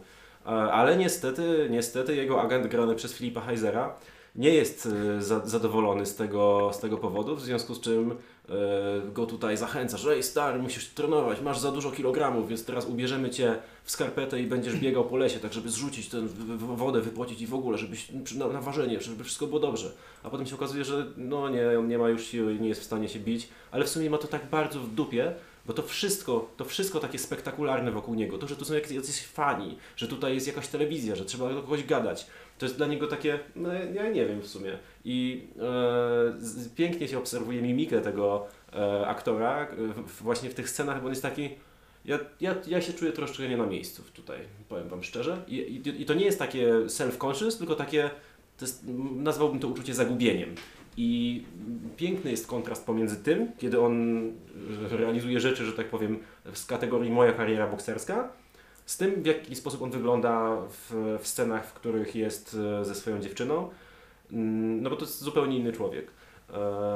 I mm, fajne w tym filmie jest też to, że on się nie traktuje jakoś super poważnie, więc nie ma tego gorzkiego przemyślenia na temat tego, że e, w relacjach międzyludzkich możemy być prawdziwi, ale tak naprawdę to na co dzień musimy zakładać maski. Nie, nie, to jest po prostu luźne, że e, wiecie co, ja, ja tutaj się zakochałem i jest, jest całkiem fajnie. I jeździmy sobie na rowerze i się uśmiechamy do siebie, ona szerzej, a ja trochę mniej. E, I ten boks to tak tak, no da, już, już bym mógł, nie. Piękny film, strasznie lubię. Jeden z moich ulubionych filmów, jeśli nie ulubiony film tamtego roku, to nie wiem, 2017 było, czy 18, coś takiego. Kropka. Okej, mieliśmy fiński wpis. e, Już wiesz... No czekaj, czy Martyna się nie odniesie, bo ja tylko patrzę na twarz Martyny, która mówi tak totalnie to jest Dobra, ten film, uwaga, o którym Dawid uwaga, powiedział, że to wyrwę- nie jest on. Wyrwę, wyrwa na moment. My dojedziemy tutaj do dwóch godzin spokojnie, nie? Więc, No i e, chuj, Let's, no. let's. I'm really okay with that. mm, fine. No dobra. Ja, ja po prostu nie chciałam psuć tego wspaniałego nastroju, który Dawid tutaj prowadził, opowiada, opowiadając taką miłością o tym filmie, więc może to podsumuję tylko jednym zdaniem. Widziałam ten film na seansie w ciemno. Był to pierwszy raz, kiedy poszłam na seans w ciemno i ostatni. Okej, Okej. możesz teraz o swoim numerze 3 Czy, czy można powiedzieć, że to nie był najszczęśliwszy dzień w Twoim życiu? Nie byłaś oliwakiem wtedy. E, dobrze, moje miejsce, tak? Mhm. Trzecie? E, Okej. E, Na mojej liście na miejscu trzecim znowu jesteśmy w tematach około rodzinnych, tak jak w przypadku miejsca czwartego i znowu będę mówić o moim, o jednym z moich ulubionych reżyserów i jest to Wes Anderson e, i jest to film Genialny Klan. E, Jestem świadoma tego, że być może troszkę naciągam tutaj e, definicję słowa, czy tam frazy film o miłości, e, aczkolwiek nie mogłam nie zawrzeć tego filmu ze względu na mój wielki szacunek do Wesa Andersona i wielkie uwielbienie też do tego filmu. E, mam wrażenie, że to był ten e, etap Andersona, gdzie on był takim Andersonem w 100%, kiedy być może to też zależy od tego, że to był chyba drugi film e, w jego wykonaniu, który widziałam. No i on w 100% sprzedał mi swój styl, sprzedał mi swój sposób reżyserii, sposób przedstawiania i też bardzo dużą wrażliwość. I byłam absolutnie zakochana każdym elementem e, tego filmu. E, przez muzykę, przez dobór aktorów, przez humor. Absolutnie gdzieś tam mnie ten świat pochłonął e, i pochłonęła mnie też taka gorzko-słodka nuta, która przebija się przez jego filmy. Zresztą podobnie jest w przypadku Taiki, o którym mówiłam przy miejscu czwartym. Uwielbiam ten film nad życie, jest, jest, jest, jest gdzieś tam zawsze w topce. Nawet nie tylko filmów o miłości, tylko e, ulubionych filmów moich. A, I mam nadzieję, że Wes Anderson wróci kiedyś na te tory i znowu obdaruje nas czymś tak wspaniałym jak ten film. Tak, tak, zgadzam się w 100%. Wielka miłość dla, dla, dla jak tam? E, Genialny klan? Ch- Chciałem powiedzieć, że królewskich choinków, e, tłumacząc sobie bardzo, bardzo chamsko oryginalny tytuł. Um, O Tannenbaum. tak, tak. Ale to muszę powiedzieć, że to jest mój ulubiony Anderson. Pa, pa, parę odcinków temu mieliśmy dyskusję na temat tego i po przemyśleniu jednak ten, jed- jednak do, do genialnego planu wracam z największą radością. Mm, Jest to też jeden z takich filmów, z których mam w głowie minimum pięć scen, które się odgrywają przed moimi oczami od czasu do czasu. Nie? E, uważam, że Luke Wilson jest fantastyczny i Luke Wilson jest takim zmarnowanym talentem, w jakichś gównianych komediach gra niepotrzebnie, bez sensu. Ty tam uważaj, bo Old School to jest wybitny film. E, scena, scena, w której, e, scena, w której Luke Wilson stoi przed lustrem i mówi, że I'm going to kill myself tomorrow, to jest scena, która jakby no, jest wyryta no nie wiem, na, na moich oczach i kiedy, kiedy, w sensie na moich powiekach i kiedy zamykam oczy, to widzę tę scenę, nie? Także strasznie, strasznie dobry film. Co? coś... Paweł, co się No. stało? No właśnie nie wiem, czy powinniśmy się zacząć martwić o Dawida, że ta scena, w której Nie, to mówi, tylko że... scena mu się w filmie podobała. No okej, okej, okej. Tak to, tak to zinterpretujmy. E, moim miejscem trzecim jest film, e, wokół którego były kontrowersje, ale potem Ada obejrzała go w całości, e, czyli Czas na miłość Richarda Curtisa. E, to jest film, Ej, ale który... powiedz, czy, czy nie istnieje bardziej generyczny tytuł Ale niż, niż film, który się nazywa Ty go nie obejrzałaś w całości, prawda? Dzisiaj oglądałam dyskusję, ale nie, nie, przepraszam, bo ty to powiedziałeś tak, jakbym ja go hejtowała po obejrzeniu tego pół godziny, a ja go kiedyś oglądałam już w całości I i, to jest... dopiero... To ja, ja No teraz to- powiem ale- króciutko o tym filmie, a potem ty opowiedz naszą histor- historię swojej ewolucji wobec tego tytułu, bo ona mnie bardziej ciekawi niż to, co ja o nim sądzę. E, ja go oglądałem gdzieś tam w 2015 i wtedy uważałem to za bardzo super film i się o niego biłem. Ta ocena gdzieś tam wysoka, takie 9 na 10 wisiała na Filmwebie i nie sprawdzałem od tego czasu i ostatnio go obejrzałem ponownie i nadal uważam, że to jest 9 na 10, bo to jest film nie tylko o miłości tej romantycznej, ale również takiej rodzicielskiej, również takiej e, ro, rodzeństwowej. Nie wiem, jak to inaczej powiedzieć, bo to nie jest ani braterstwo, ani siostrzeństwo, bo to jest brat do siostry. E, więc no, tej takiej siblingsowej. E, i, I generalnie rezonuje ze mną nadal. Wydaje mi się, że on uderza w te wszystkie fajne nuty, w które mógłby uderzać. Widzę dużo podobieństw taki, takich fundamentów do najgorszego człowieka na świecie. E, tutaj jeszcze jest ten element fantastyczny, że podróże w czasie. Po latach Ale- mam jakieś ale, widzę, mam pewne wątpliwości, ale nadal gdzieś e, wybaczam temu filmowi wiele, ale jestem ciekaw, jakie ale miała Ada kiedyś to, zanim tylko, bo ja chciałem zapytać, czy ja dobrze pamiętam, że tam ten, ta podróż w czasie się wydarzała po wejściu do szafy? Po wejściu w ciemne E, miejsce, Tak, dokładnie. A, w którym często okej, jest okej. szafa. Okej, bo, bo, bo, bo się zastanawiałem, czy to jakiś wymiar symboliczny też ma tutaj, czy nie. Czasem staję w, w ciemnym korytarzu, więc niekoniecznie Tak, to jest. tak. Okej. To ja może, y, bo ja też jestem y, raczej po stronie y, Pawła w ocenie tego filmu, więc może po prostu odpowiem na zarzuty Ady. Ale Ada jeszcze ich nie wypowiedziała. Ale właśnie tak, tam już ale chyba nie ma właśnie zarzutów, to jest, that's the point. Ale może Martyna zobaczyła, bo ja mam całą notatkę w telefonie poświęconą temu i może Martyna przeczytała już pierwsze, które zaczyna się od ten typ tylko chce zaruchać. Ale to zaraz, ja zaraz E, przejdę cały Any, any, any, jak- jak- anything stands. No właśnie, w jaki sposób to jest nie? zarzut, nie? Jakby. Dobra, co chciałaś powiedzieć Martyna? Y, Nie, ja chciałam powiedzieć, że tak jak Ty opowiadałaś o tym, że podczas drugiego oglądania gdzieś tam po pół godziny się odbiłaś od tego filmu i stwierdziłaś, że nie warto, to ja w jakiś sposób to rozumiem, bo pamiętam, widziałam ten film chyba z trzy razy, bo to jest ten rodzaj filmu, który sobie oglądam już na obecnym etapie, jak nie wiem, coś ma lecieć w tle i ma być przyjemnie i mam na czym zawiesić oko i nie wiem, uronić łezkę w przerwie od, nie wiem, zamiatania czy coś. Eee, I muszę przyznać, że te pierwsze pół godziny jest dla mnie również trudne, bo one od tego bohatera strasznie kurwi desperacją i bardzo mnie to denerwuje. Niesamowicie mnie to denerwuje i w momencie, w którym on faktycznie zawiązuje e, więź z, z bohaterką e, Rachel McAdams, to już jest, to już nie mam zarzutów. To jestem zachwycona i oglądam ich, ich, przyjemną, taką przyziemną miłość. Bardzo mi się to podoba. No to ja miałam, mam zarzuty tak mniej więcej do 3 czwartych filmu, ale ostatnie 20 minut wydaje mi się, że cały jakby przewrót polegał na tym, że w ostatnich 20 minutach zrozumiałam, że, że to nie jest film właśnie o relacji tego pana rudego aktora, który ma jakieś... Donala Gleesona. Jak ją wyjaśnili Ale churalnie. się musieli popis, popisać, nie? Dobra, jego, no i właśnie tej typiary, co ma na imię Mary w filmie, bo tak miała też na imię jego mama. Tim to pada and w ogóle Mary. ileś razy. E, No w każdym razie, że, że, że to nie jest film o ich relacji, bo ich relacja jest słaba, realnie, w sensie ona nie jest niczym podparta, ich totalnie nic nie łączy, te postaci jakby w ogóle nie mają za dużo charakterów i mniej więcej jakby argument o tym, że to jest film mniej więcej o tym, że ziomek chce zaruchać, naprawdę towarzyszył mi przez pół filmu i wkurzało mnie to o tyle, że ja naprawdę, jeśli on jest frajerem, kurwi od niego desperacją.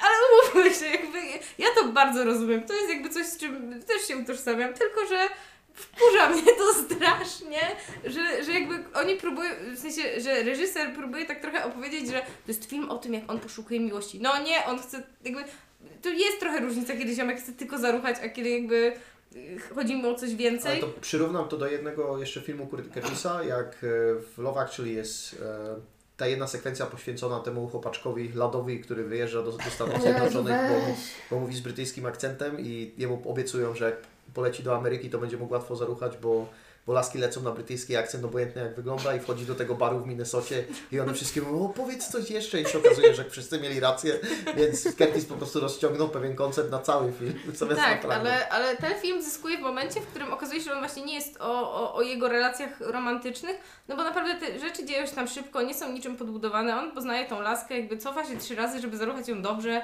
i, i, i jakby i, i to jest wszystko i naprawdę na tym się jakby opiera ich relacja, ale kiedy okazuje się na końcu, że to jest tak naprawdę film bardziej o lekcji na temat przeżywania rzeczy i bardziej film o miłości między synem a ojcem, to, to, to tą, tą relację o wiele bardziej kupiłam. W sensie realnie ten ojciec jest, zaraz ci dam Paweł mnie wyjaśnić, ale Ktoś do mnie dzwoni. Na domofon, To- więc dajcie mi Dobra, to, sekundę. to zróbmy, zróbmy Pauzę. pauzę, bo, bo ja też bym przyjął pauzę. Let's Dobra, Zrobiliśmy krótką przerwę, wracamy po krótkiej przerwie. E, Paweł ma pytanie co do e, czasu na miłość, do tego, żeby Ada powiedziała nam więcej. W naszych głowach to jest jakiś czas, który już od tego minął, ale dla Was to następuje zaraz po tej rozmowie, więc to jest wszystko bardzo naturalne. Cieszę się, że wszystkim to wytłumaczyłeś, bo właśnie tego nie doświadczyli. E, ja mam pytanie, Ada, bo powiedziałaś, że dopiero w ostatnich 20 minutach się okazuje, że to nie jest film o relacji Tima i Mary, a moim zdaniem, bo też zarzutem jest to, że e, chłopak e, wali desprom i chce zaruchać, ale no, w momencie, w którym on się schodzi z Mary, no to ten wątek w sumie się kończy i tam się zaczynają inne wątki. absolutnie nie. On jest tak samo głupi przez cały czas potem. W sensie i dlatego właśnie dla mnie ta relacja nie jest w ogóle trzonem tego filmu i słabo, że jakby w, w tę stronę to poszło. Bo, bo on jest nadal głupi strasznie i mnie to bardzo frustrowało, w sensie, że ja mam wrażenie, że on naprawdę mądrzeje dopiero i to miało sens e, koniec końców, że on mądrzeje gdzieś tam dopiero jakby jak już odpowiednio dużo nabroi, no bo on podejmuje naprawdę bardzo głupie decyzje względem tego cofania się w czasie i naprawdę, ja byłam, jakby, ja byłam zafascynowana tym, jak głupie rzeczy on robi, chociażby kiedy cofa się w czasie y, właśnie z, z tym, że chce spotkać Mary w muzeum i podchodzi do niej, bo jakby, nie no, nie ogarnąłem, że skoro cofnąłem się w czasie, to ona mnie wcale nie pamięta. Albo, że jak cofnął się w czasie y, i był w innym miejscu, no to przecież jej nie spotkał i ona zniknęła mu z telefonu. Ja mówię, no typie, nie? W sensie jakby matematyka. To nie No jest typie, trudne. basic time travel stuff, ale, Tak, ale właśnie. Co ty Primera nie widziałeś? Nie, ale Nie, nie dostał memo, w którym, w którym typie opowieści o cofaniu się w czasie jest, nie? No, No ale dobra, jedyne to jest to, nadal stary- pierwsza godzina filmu, czy nawet Co? nie. Nie, on, ja mam wrażenie, że on tak realnie gdzieś tam tak właśnie wyciąga lekcję dopiero na końcu i on rzeczywiście na końcu wydaje się już odrobinę mądrzejszy, ale no, no ty, tylko mam wrażenie, że to wynika właśnie z tej relacji z ojcem. I ta relacja z ojcem jest gdzieś tam budowana od początku, ale to, to bo to nie jest o tym film, ale ten wątek uważam za najciekawszy i ten wątek to jest jedyny powód, dla którego jestem w stanie moje bezlitosne cztery podnieść do jakiegoś takiego pięć dla tego filmu. Wow. Also, no jakby on ma taki duży wydźwięk moralizatorski, ale ja już wolałam to, że w końcu jakby jakiś, jakiś morał pan Curtis nam tu sprzedaje na końcu, niż, niż właśnie to, żeby ten bohater no, był taki głupi i tak mnie irytował. A ja naprawdę lubię tego pana aktora, którego nazwiska nie powiem, ale możecie się pochwalić jeszcze raz, że umiecie. Kalej, kalej, kalej. Mówiłem, że e, a, tego aktora, czyli Domnala Gleesona, czy może jego ojca granego przez Billa na jego? Albo ojca Domna Gleesona, czyli U, Bredana Gleesona. Bredana Gleesona, który nie gra w tym filmie, ale też jest doskonałym aktorem. I też jest ojcem. Mad respekt dla szalonookiego Moody'ego.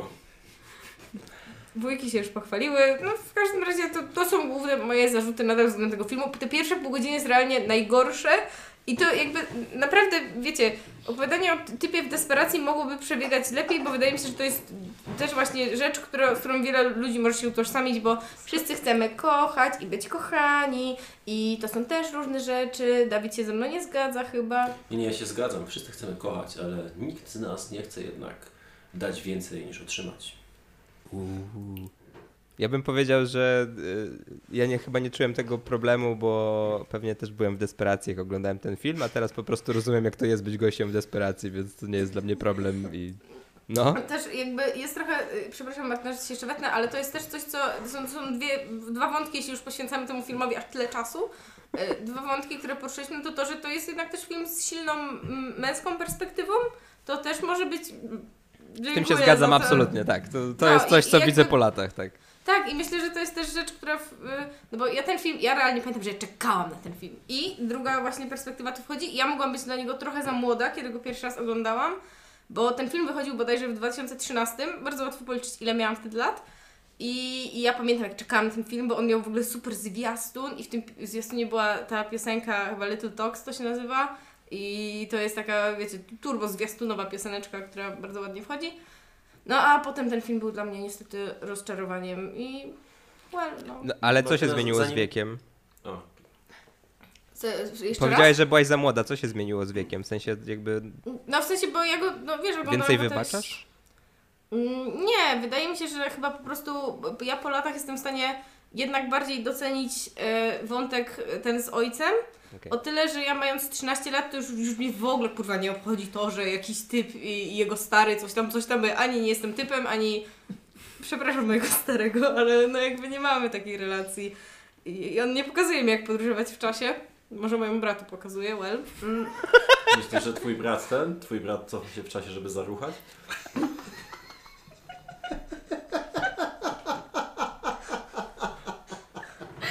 To było, to było po prostu tak, tak nisko wisiał ten obraz, że tak, On, on nawet nie wisiał, on leży tam, gdzie te banany. Już dawno, z- już dawno zgnił koło tego konia, co tam go cały czas jest zakopywany. Oh my god.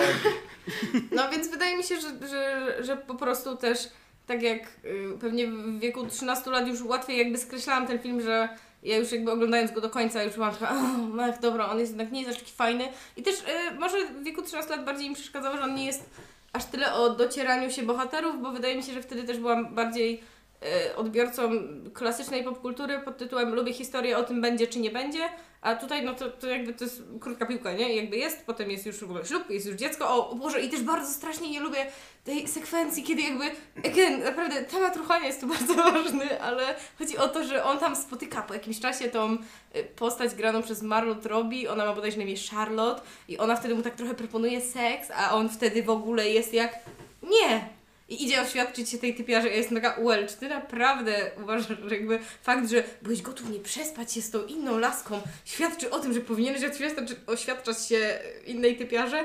Znaczy, no ja się tu z tym nie zgadzam i to, co chciałam powiedzieć milion lat temu, to było to, że ani nie jestem gościem, ani nie byłam w desperacji, jak oglądałam ten film. E, ale mimo wszystko gdzieś to tam ze mną rezonowało i jeśli chodzi o tę scenę, o której wspomniałaś, to mam wrażenie, że to był właśnie ten moment, w którym od niego przestało kurwić tą desperacją. W sensie, że on jakby osiadł w tym swoim związku i nawet jeśli e, ich relacja nie jest jakoś super przedstawiona i te postaci e, nie mają bardzo zarysowanych charakterów, czy ich, e, czy ich związek nie jest jakoś dokładnie grubymi e, krechami określony, no to, to, to, to nadal czuć między nimi tę chemię, o której wspominaliśmy wcześniej. I, I faktycznie to był moment, w którym e, bez żadnych zarzutów zaczęłam ten film enjoyować w pełni. Też to, że zauważyłam, że faktycznie jakąś on tam drogę przebył i w jakiś sposób się zmienił. No, była ta, ta, ta symboliczna scena, gdzie on idzie się oświadczyć, ale no to też jest kwestia tego, że coraz mniej zaczął w tym swoim życiu zmieniać, nie? No zaczyna te relacje praktycznie, no nie wiem, okłamując ją i y, gdzieś tam ją y, wielokrotnie y, próbując posiąść. Później faktycznie jest scena, kiedy chce wypaść jak najlepiej w sferze łóżkowej, a później no, z, z, jakby z kolejnymi miesiącami czy tam latami ich relacji on coraz mniej z tego korzysta, bo nie czuje tej potrzeby. No i w tym momencie dochodzimy do tego ostatecznego wydźwięku filmu, że teraz nie zmienia jakoś diametralnie wydarzeń, y, co się stało. Ja nic patrzę na Michała, który jest po prostu taki o, get over it! Miejsce drugie czeka! Come on! A ja, wiesz, ja się w końcu dorwałam do głosu, więc... Nie, nie, nie, ale to wo- ja, wydaje mi się, że Michał ma taką minę już tak od trzech wypowiedzi. tak tak, wygląda po prostu. On, tak, on tak po prostu wygląda. To, to bardzo dużo mi przypomina, przypomniałaś o tym filmie tą wypowiedzią, bo ja pamiętam, że mi się podobał, ale pamiętam z niego tyle, że to, to jest film, przy którym się zakochałem już tak do, do końca w Rachel McAdams. E, I to też jest film. Rel. No. I, i, i co tam? I, a okej, i to też jest film, w którym e, te, te śmieszne rzeczy mnie nie bawiły. W sensie dla mnie ta komedia była romantyczna, była, była komedią, nie? Sam, sam, sama ta sekwencja jego, że tak powiem. Jak to jest, jest, jest e, w świecie gamerów takie określenie na e, wymaksowywanie leveli, w sensie, że mówicie, Power gamerowanie? grinding? Grinding jest, no. no. No, no to jak on e, jakby wymaksowywał swoje dopasowanie do niej w łóżku, to była totalnie śmieszna sekwencja, nie? Jeśli ją traktować jakoś tam nadmiernie poważnie, to pewnie jest problematyczna, ale jest no kurwa śmieszna i tyle. A ja, ja chciałem zapytać tylko jedną rzecz. Paweł, jak to jest być w desperacji? E, wpływa to na twoje funkcjonowanie w świecie, nie polecam. No, okej, bo, bo wiesz, e, po prostu nie znam. Nigdy nie byłeś. no, wiedziałem, że to powiesz. To, to znowu, ten owoc wisiał też na tej samej gałęzi, co ten No, był poprzedni. Nie? przygotowywany już był, naciągnięta gałąź była już cała. Tak, ja też nie, Ma- nie, będę, nie ma- będę ukrywał, że zatrząsłem drzewem najpierw. Tak, ja tak będę, wiesz, następnym razem jak Dawid, tak. tak. No weź, Dawid, no. No weź, no. Włóż rękę do telewizora. Dotknij kropka. Okej, to czas na miłość dla mnie. Bardzo mnie ciekawi, to zawsze wydawało mi się, że to jest taki film, może trochę, nie wiem, niedziela, obiad na Polsacie leci i jest całkiem przyjemnie. Mm, Nie mam na myśli tego, y, nie, nie chcę, żeby to zostało odebrane negatywnie. Mam na myśli coś, co można obejrzeć z rodziną i każdy będzie się dobrze bawił. Więc w życiu nie sądziłam, że to wywoła takie kontrowersje. Ale to Ale jest to- chyba najfajniejsze w ogóle w dyskusjach o filmach, kiedy jest coś, co wydaje się być takie vanilla, a okazuje się, że jednak nie i że tam jest dużo grzebania w, w ropie i tak dalej. No właśnie, to, to ja może tylko powiem, bo w sumie nie powiedziałem chyba za co lubię ten film, ale dla mnie to w ogóle nie jest film o relacji Tima i Mary. Dla mnie to jest film o tych wszystkich innych rzeczach. To jest film o relacji Tima i jego siostry, to jest film o relacji z ojcem, która jest, wydaje mi się, super rozegrana. To jest film o cieszeniu się z małych rzeczy, bo to, do czego ojciec używa podróży w czasie jest, uważam, świetne w tym filmie. Mhm. Tak, E, tak, to jest film o godzeniu się ze śmiercią w końcu, no bo wątek tego, że ojciec umiera, ale jeszcze i wie, że umiera, i wie, że już umarł w jakimś timeline'ie, ale jeszcze jest w stanie pogadać ze swoim synem, zanim to się stało i pyta, czy Nick Cave leci na pogrzebie. Świetne rzeczy, mnie to jakby wzrusza mnie to za każdym razem. E, no a ostatnia rozmowa ojca z synem, która też jest w zwiastunie, gdzie tam pada my son, my dad, no psz, łzy, w chusteczki dajcie, niech one keep, keep, keep them coming, no super, no. A, i jeszcze chciałem tylko powiedzieć, że ta scena, w której Tim biegnie się oświadczyć, to dla mnie to nie jest, że to nie jest powód, dlaczego on biegnie się oświadczyć, tylko to jest jakby skutek, dlaczego, w sensie to, że on nie idzie z Charlotte, to jest skutek tego, co on sobie uświadamia w tej scenie, bo on sobie uświadamia, że kocha Mary po prostu i że on nie chce już zaruchać po prostu, tylko że ma kogoś, kogo kocha i to jego wybiera za każdym razem. Cieszę się, że to kupujecie. I możemy zrobić, nie wiem, test pod tytułem Jak będę w waszym wieku, obejrzę ten film po raz trzeci. I może wtedy będę bardziej Ej, ja go oglądałam będąc w swoim wieku. No właśnie, ja też go pierwszy raz Well, oglądałem będąc w swoim to- wieku, więc myślę, w ogóle że ten bardzo pociąg ciekawe. odjechał. To jest bardzo ciekawe, bo jakby ja uważam, że jestem strasznie gościową miętką. Ja mam duży jakby próg wrażliwości i jakby mm, no mnie łatwo jakby filmy dotykają. A tutaj, oj, oj, oj, O, ja nie wiem, A jakby, a realnie też, dobra, przyznałam się tego, do tego też rano Pawłowi, że e, dzisiaj nawet pociekła mi łezka, ale pociekła mi totalnie w randomowym momencie, bo to był moment, kiedy Tim odprowadza swoją najstarszą córkę do szkoły i, i, i ja mam wrażenie, że to jednak już bardziej wynika z tego, że, że ja mentalnie byłam odprowadzana bardziej do szkoły niż odprowadzam dzieci do szkoły i to chyba nie, nie świadczy dobrze, dlatego myślę, że zakończmy tę przydługą dyskusję, bo wuja już... Ja, ja chciałem, chciałem bo odnieść się do, trochę podsumować to, co Paweł powiedział. Bo wiesz, wymieniłeś wszystkie te rzeczy, o których ten film jest. On fina, finalnie jest o dojrzewaniu, nie? Eee, no to, to, to się do tego sprowadza. Miejsce drugie. Okej, od razu zacznij e, od swojego, bo jestem bardzo ciekaw tego, co masz do powiedzenia, bo nie znam tego filmu. Tak, e, nawet nie wiesz, jak bardzo Cię kocham, Pawła Łozińskiego. Kurde, no nie powiedziałeś mi faktycznie. E, nie powiedziałeś tego. E, Michał nadal nie ale być może, być może pewnego dnia wiesz. E, właśnie zadzwonię, żeby Ci powiedzieć, że Cię kocham. I już będziesz Eee, wiedział. I już będziesz wiedział. Każdym razie tak, e, mieliśmy miłości różne do tej pory, to teraz mamy miłość e, w moim przypadku, przypadku chyba mm, pierwszą taką bardzo, bardzo problematyczną, która tam jest, ale nad nią jest cała masa problemów, które ją przytłaczają. Mm, Film Łosińskiego to tak w ogóle jest. y, Ja, ja byłem święcie przekonany oglądając go, że to naprawdę jest rejestracja sesji terapeutycznej byłem w szoku, że to ktokolwiek się na to zgodził.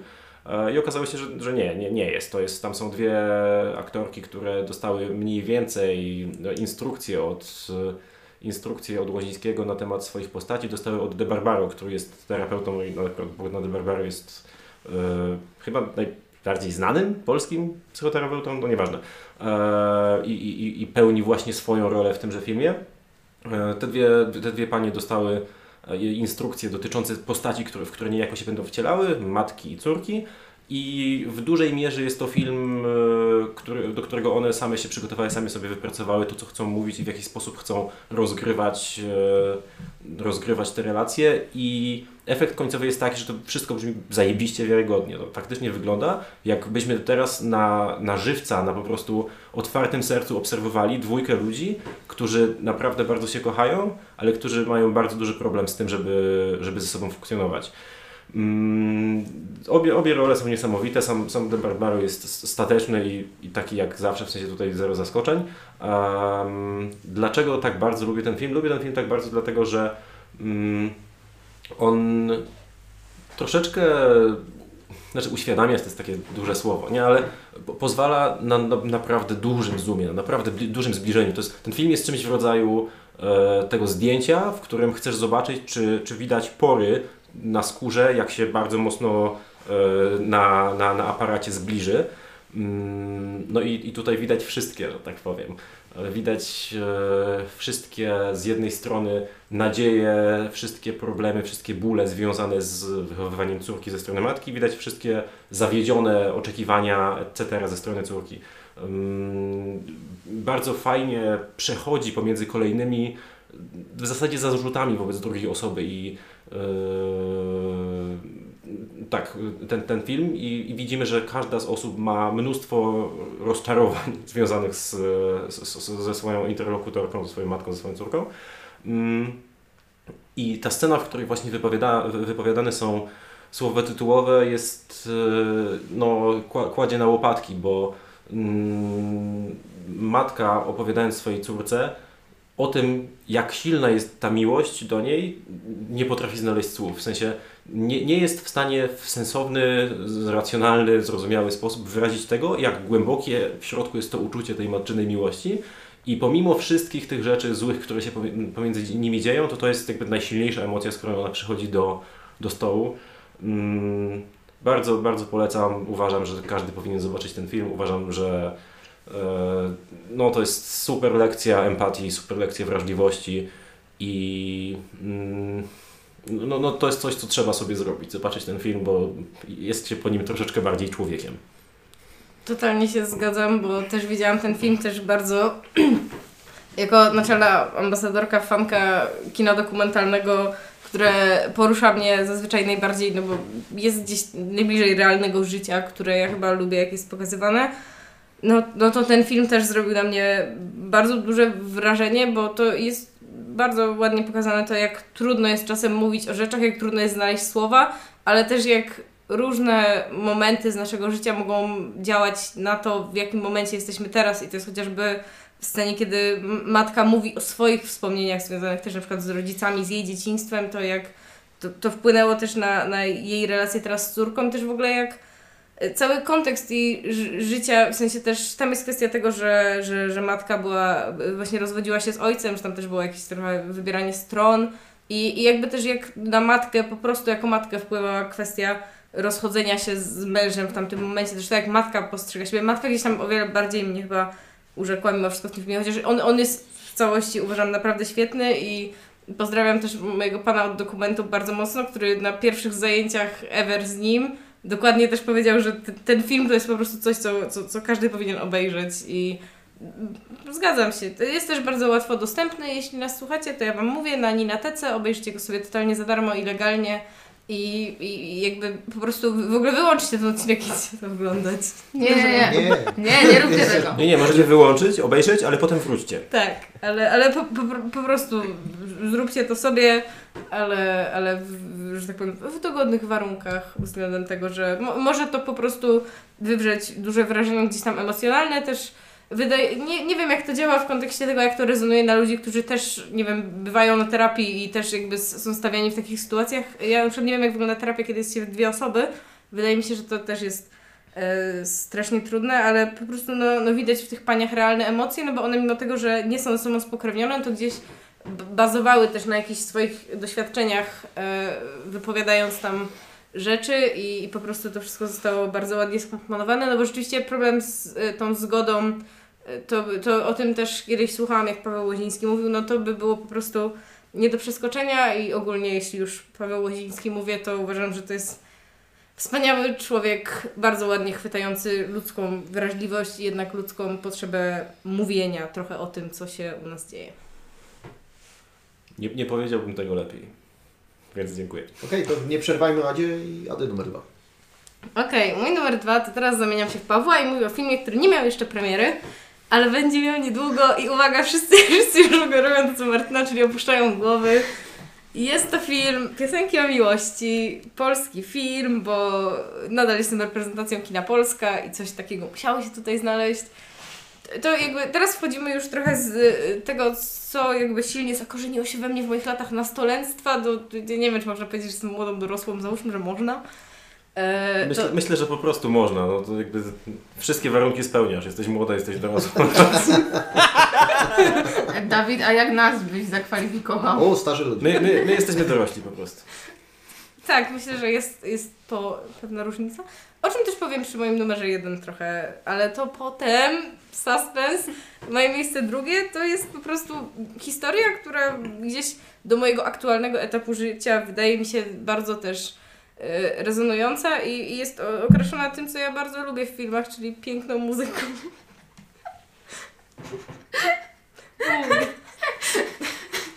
Ja nie wiem, co się Wuja, stało. częstuj się, śmiał. A to nie była jego szklanka? To nie, sorry. I jeszcze jedną.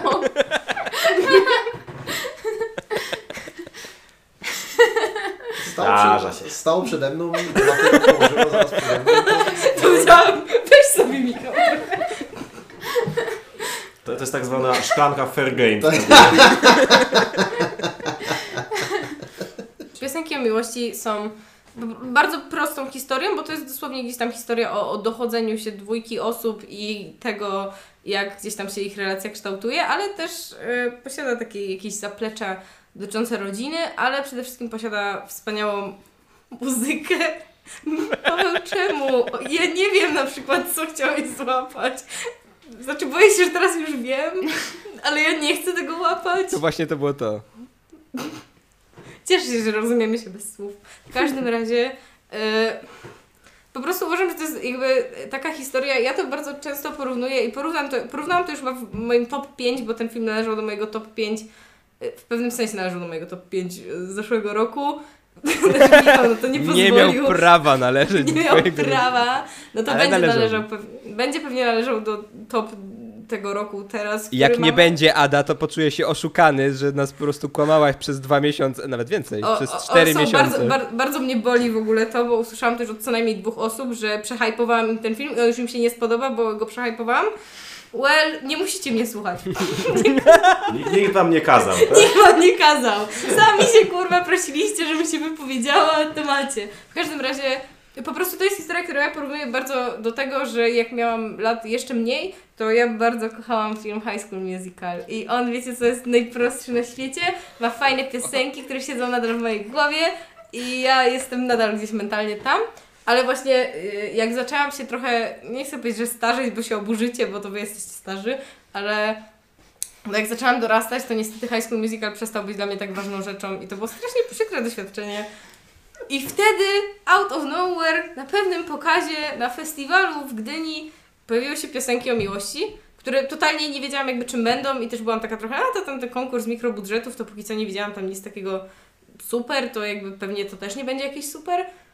Well, no okazało się, że to jest historia, która po prostu mnie chwyciła bardzo za serduszko. Wiem, że wiele osób nie chwyta, bo ona rzeczywiście jest bardzo prosta, ma po prostu moim zdaniem świetną muzykę, która po prostu od tego września czekam, aż pojawi się na jakimś Spotify czy gdziekolwiek, żebym mogła ją katować. I jedyne co póki co robię, to co najmniej raz dziennie oglądam sobie zwiastun piosenek o miłości, bo są tam fragmenty trzech piosenek, które bardzo, już po prostu mi się bardzo podobają. I i jestem tym zachwycona. Lubię bardzo też formę tego filmu, względem tego, że on jest ogólnie nakręcony w czerni i bieli, ale posiada mm, dużo takich momentów kręconych na przykład telefonem, czy tak wiecie, jak z jakichś social media, typu Instagramy czy Snapchaty. Yy, I, i, nie wiem, czy mówicie. po prostu te fragmenty są w kolorze i to moim zdaniem dodaje jakby tego, że opowiadam tą historię, która właśnie w swojej prostej strukturze i tego jest bardzo filmowa. Że to- jest historia właśnie prosty film o docieraniu się ludzi, a te fragmenty są takim właśnie rzeczą trochę wyrwaną z życia i to mi też bardzo rezonuje z tym, jak jakby ja posiadam na przykład wspomnienia jako y, Gen Z w tym miejscu, w którym jestem, w sensie mogę sobie przeglądać swoje archiwum na Instagramie, żeby wiedzieć, co działo się na przykład w moim życiu parę lat temu. Nie do końca posiadam inne zapisy i jest coś w tym, że jak na przykład ja wspominam jakieś swoje historie, to, to też mogę je pamiętać jako wyrytą ładnie historię w czerni i bieli, a tym, co tak naprawdę i realnie mi z tego zostało, to, to na przykład nagranie na Snapchacie, jak robiłam coś tam z jakimś chłopakiem. O Boże, dopiero teraz dotarłam do tego, jak to zabrzmiało źle, ale...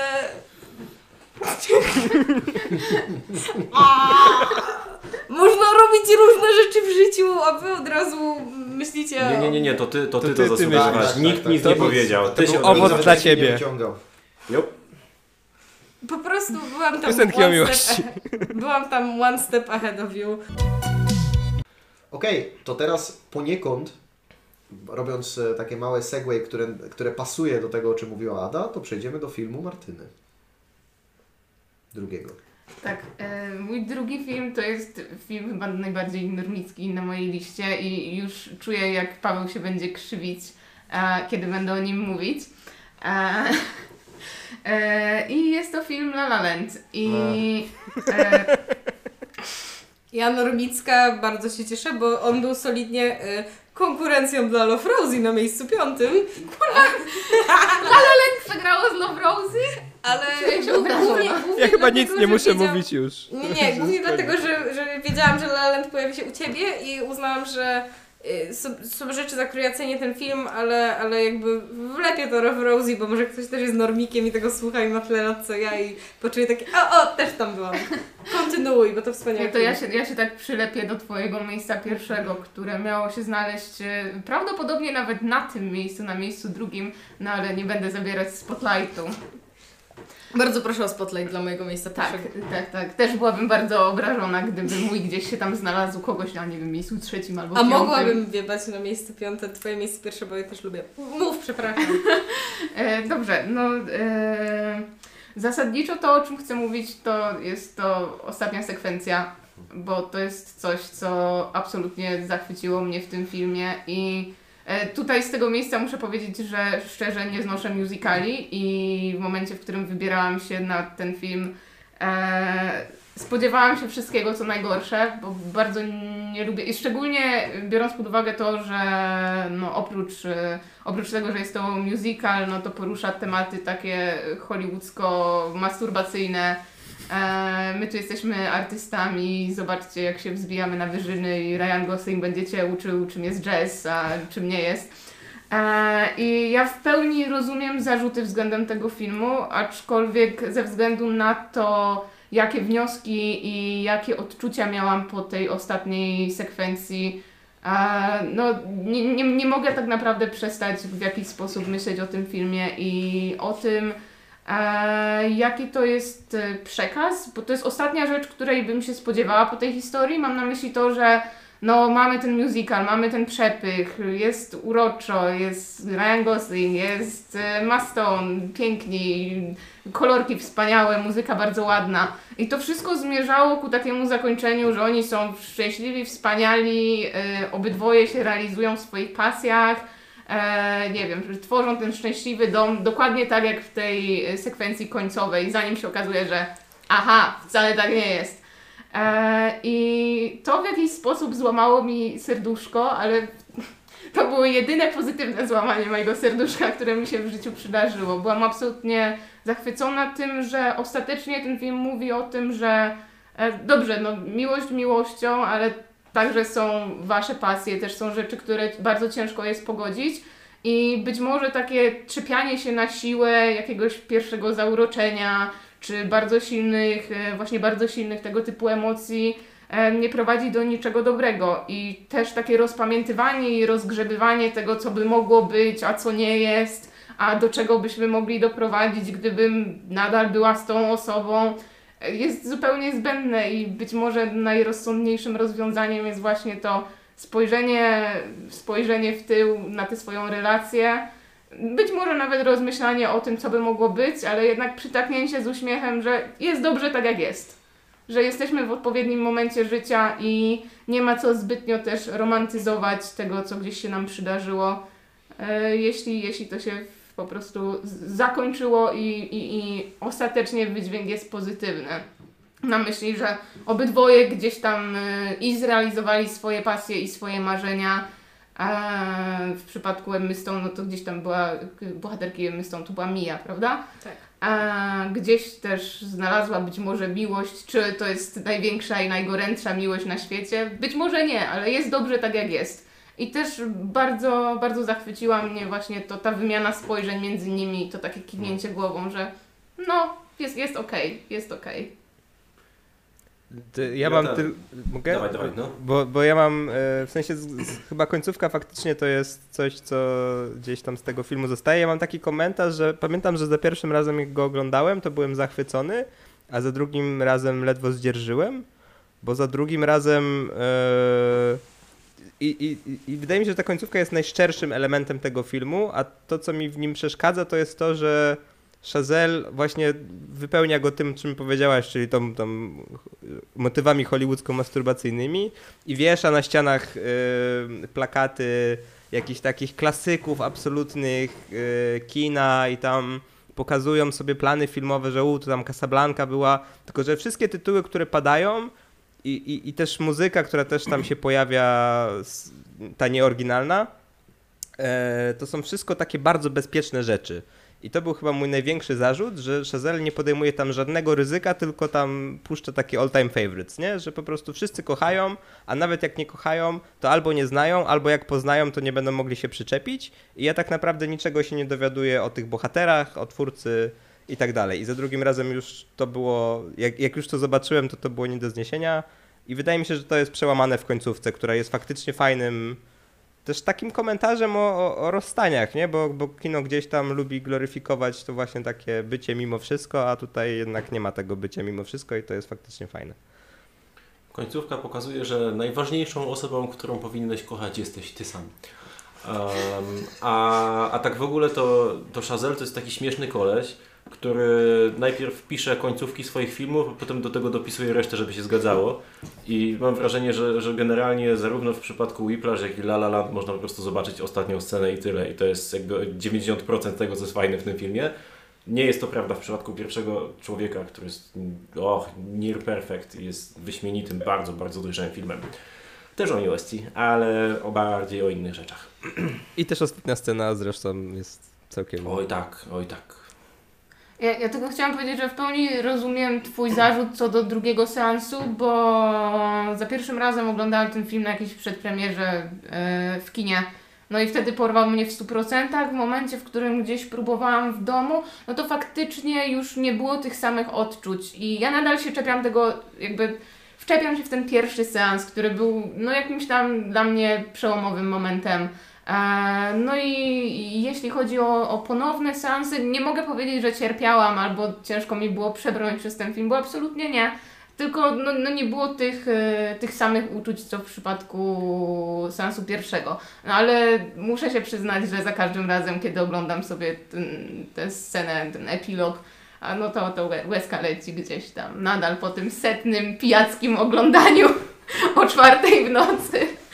No ale tutaj też trzeba wziąć pod uwagę, że e, Chazelle tak filmowo e, może te odniesienia, które są jakby bezpośrednio w filmie, to one są takie dosyć proste i bezpieczne, tak jak Paweł ty je nazywasz, ale jakby energia filmu jest jakby utrzymana na tym, żeby być trochę Singing in the Rain, które też jest trochę o tym, jak wiesz, kiedyś w Hollywood było i tak cały czas się odwołujemy do, do tak naprawdę do tej przeszłości i zapętlamy się.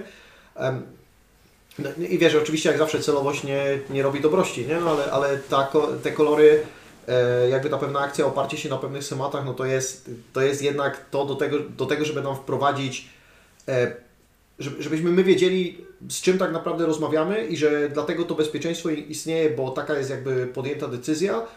Natomiast bardziej, większy dla mnie na przykład zarzut to jest taki, że to jest film efekciarski po to, żeby pokazać jak Damien Chazelle potrafi, e, od, potrafi odtworzyć to, co kiedyś funkcjonowało w nowoczesnym kontekście, ale niekoniecznie dodaje do siebie, od siebie y, to, co jest to, co ma fajne do powiedzenia, to jest widoczne tylko w kilku scenach, gdzie między innymi to jest właśnie w tym e, epilogu, czy, e, czy w tym ostatnim e, razie, razie jak widzą się e, Ryan Gosling i Emma Stone.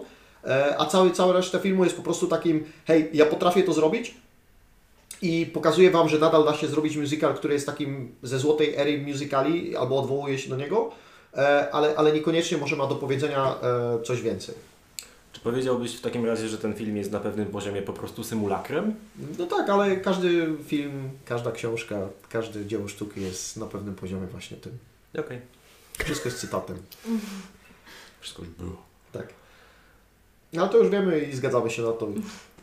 This is it. A, a mówiąc o tym, że wszystko już było, to Paweł nam opowie o swoim filmie numer dwa. A, spryciarz. E, moim filmem numer dwa jest Zakochany bez pamięci, po angielsku Eternal Sunshine of a Spotless Mind. E, Michela Gondriego i Charlie'ego Kaufmana, bo wydaje mi się, że nazwisko scenarzysty musi paść w tym przypadku. To jest najlepszy scenariusz, jaki czytałem ever.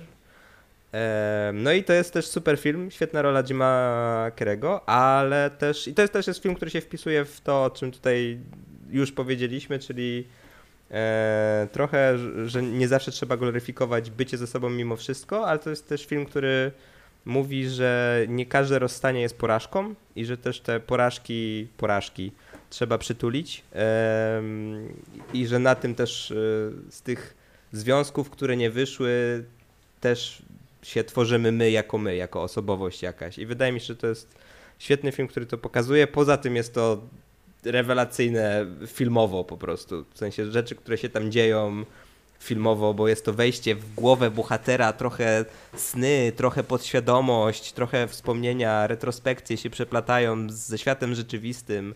E, jakieś elementy tam horrorowe się łączą z found footage'em i tak dalej. E, No a wszystko jest świetnie napisane i, i, i też jest to piękny film do cytowania. E, No i co ja mogę powiedzieć więcej? No, uważam, że to jest jeden z najlepszych filmów ever. Scena na plaży prawie tak dobra jak w Dniu Świra, co? Tak.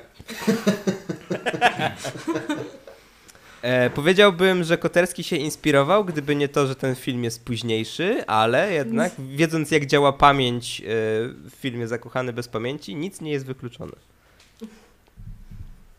A czy, czy chcesz się odnieść do zarzutów o Ma- Manic Pixie Dream Girlowość postaci granej przez Kate Winslet?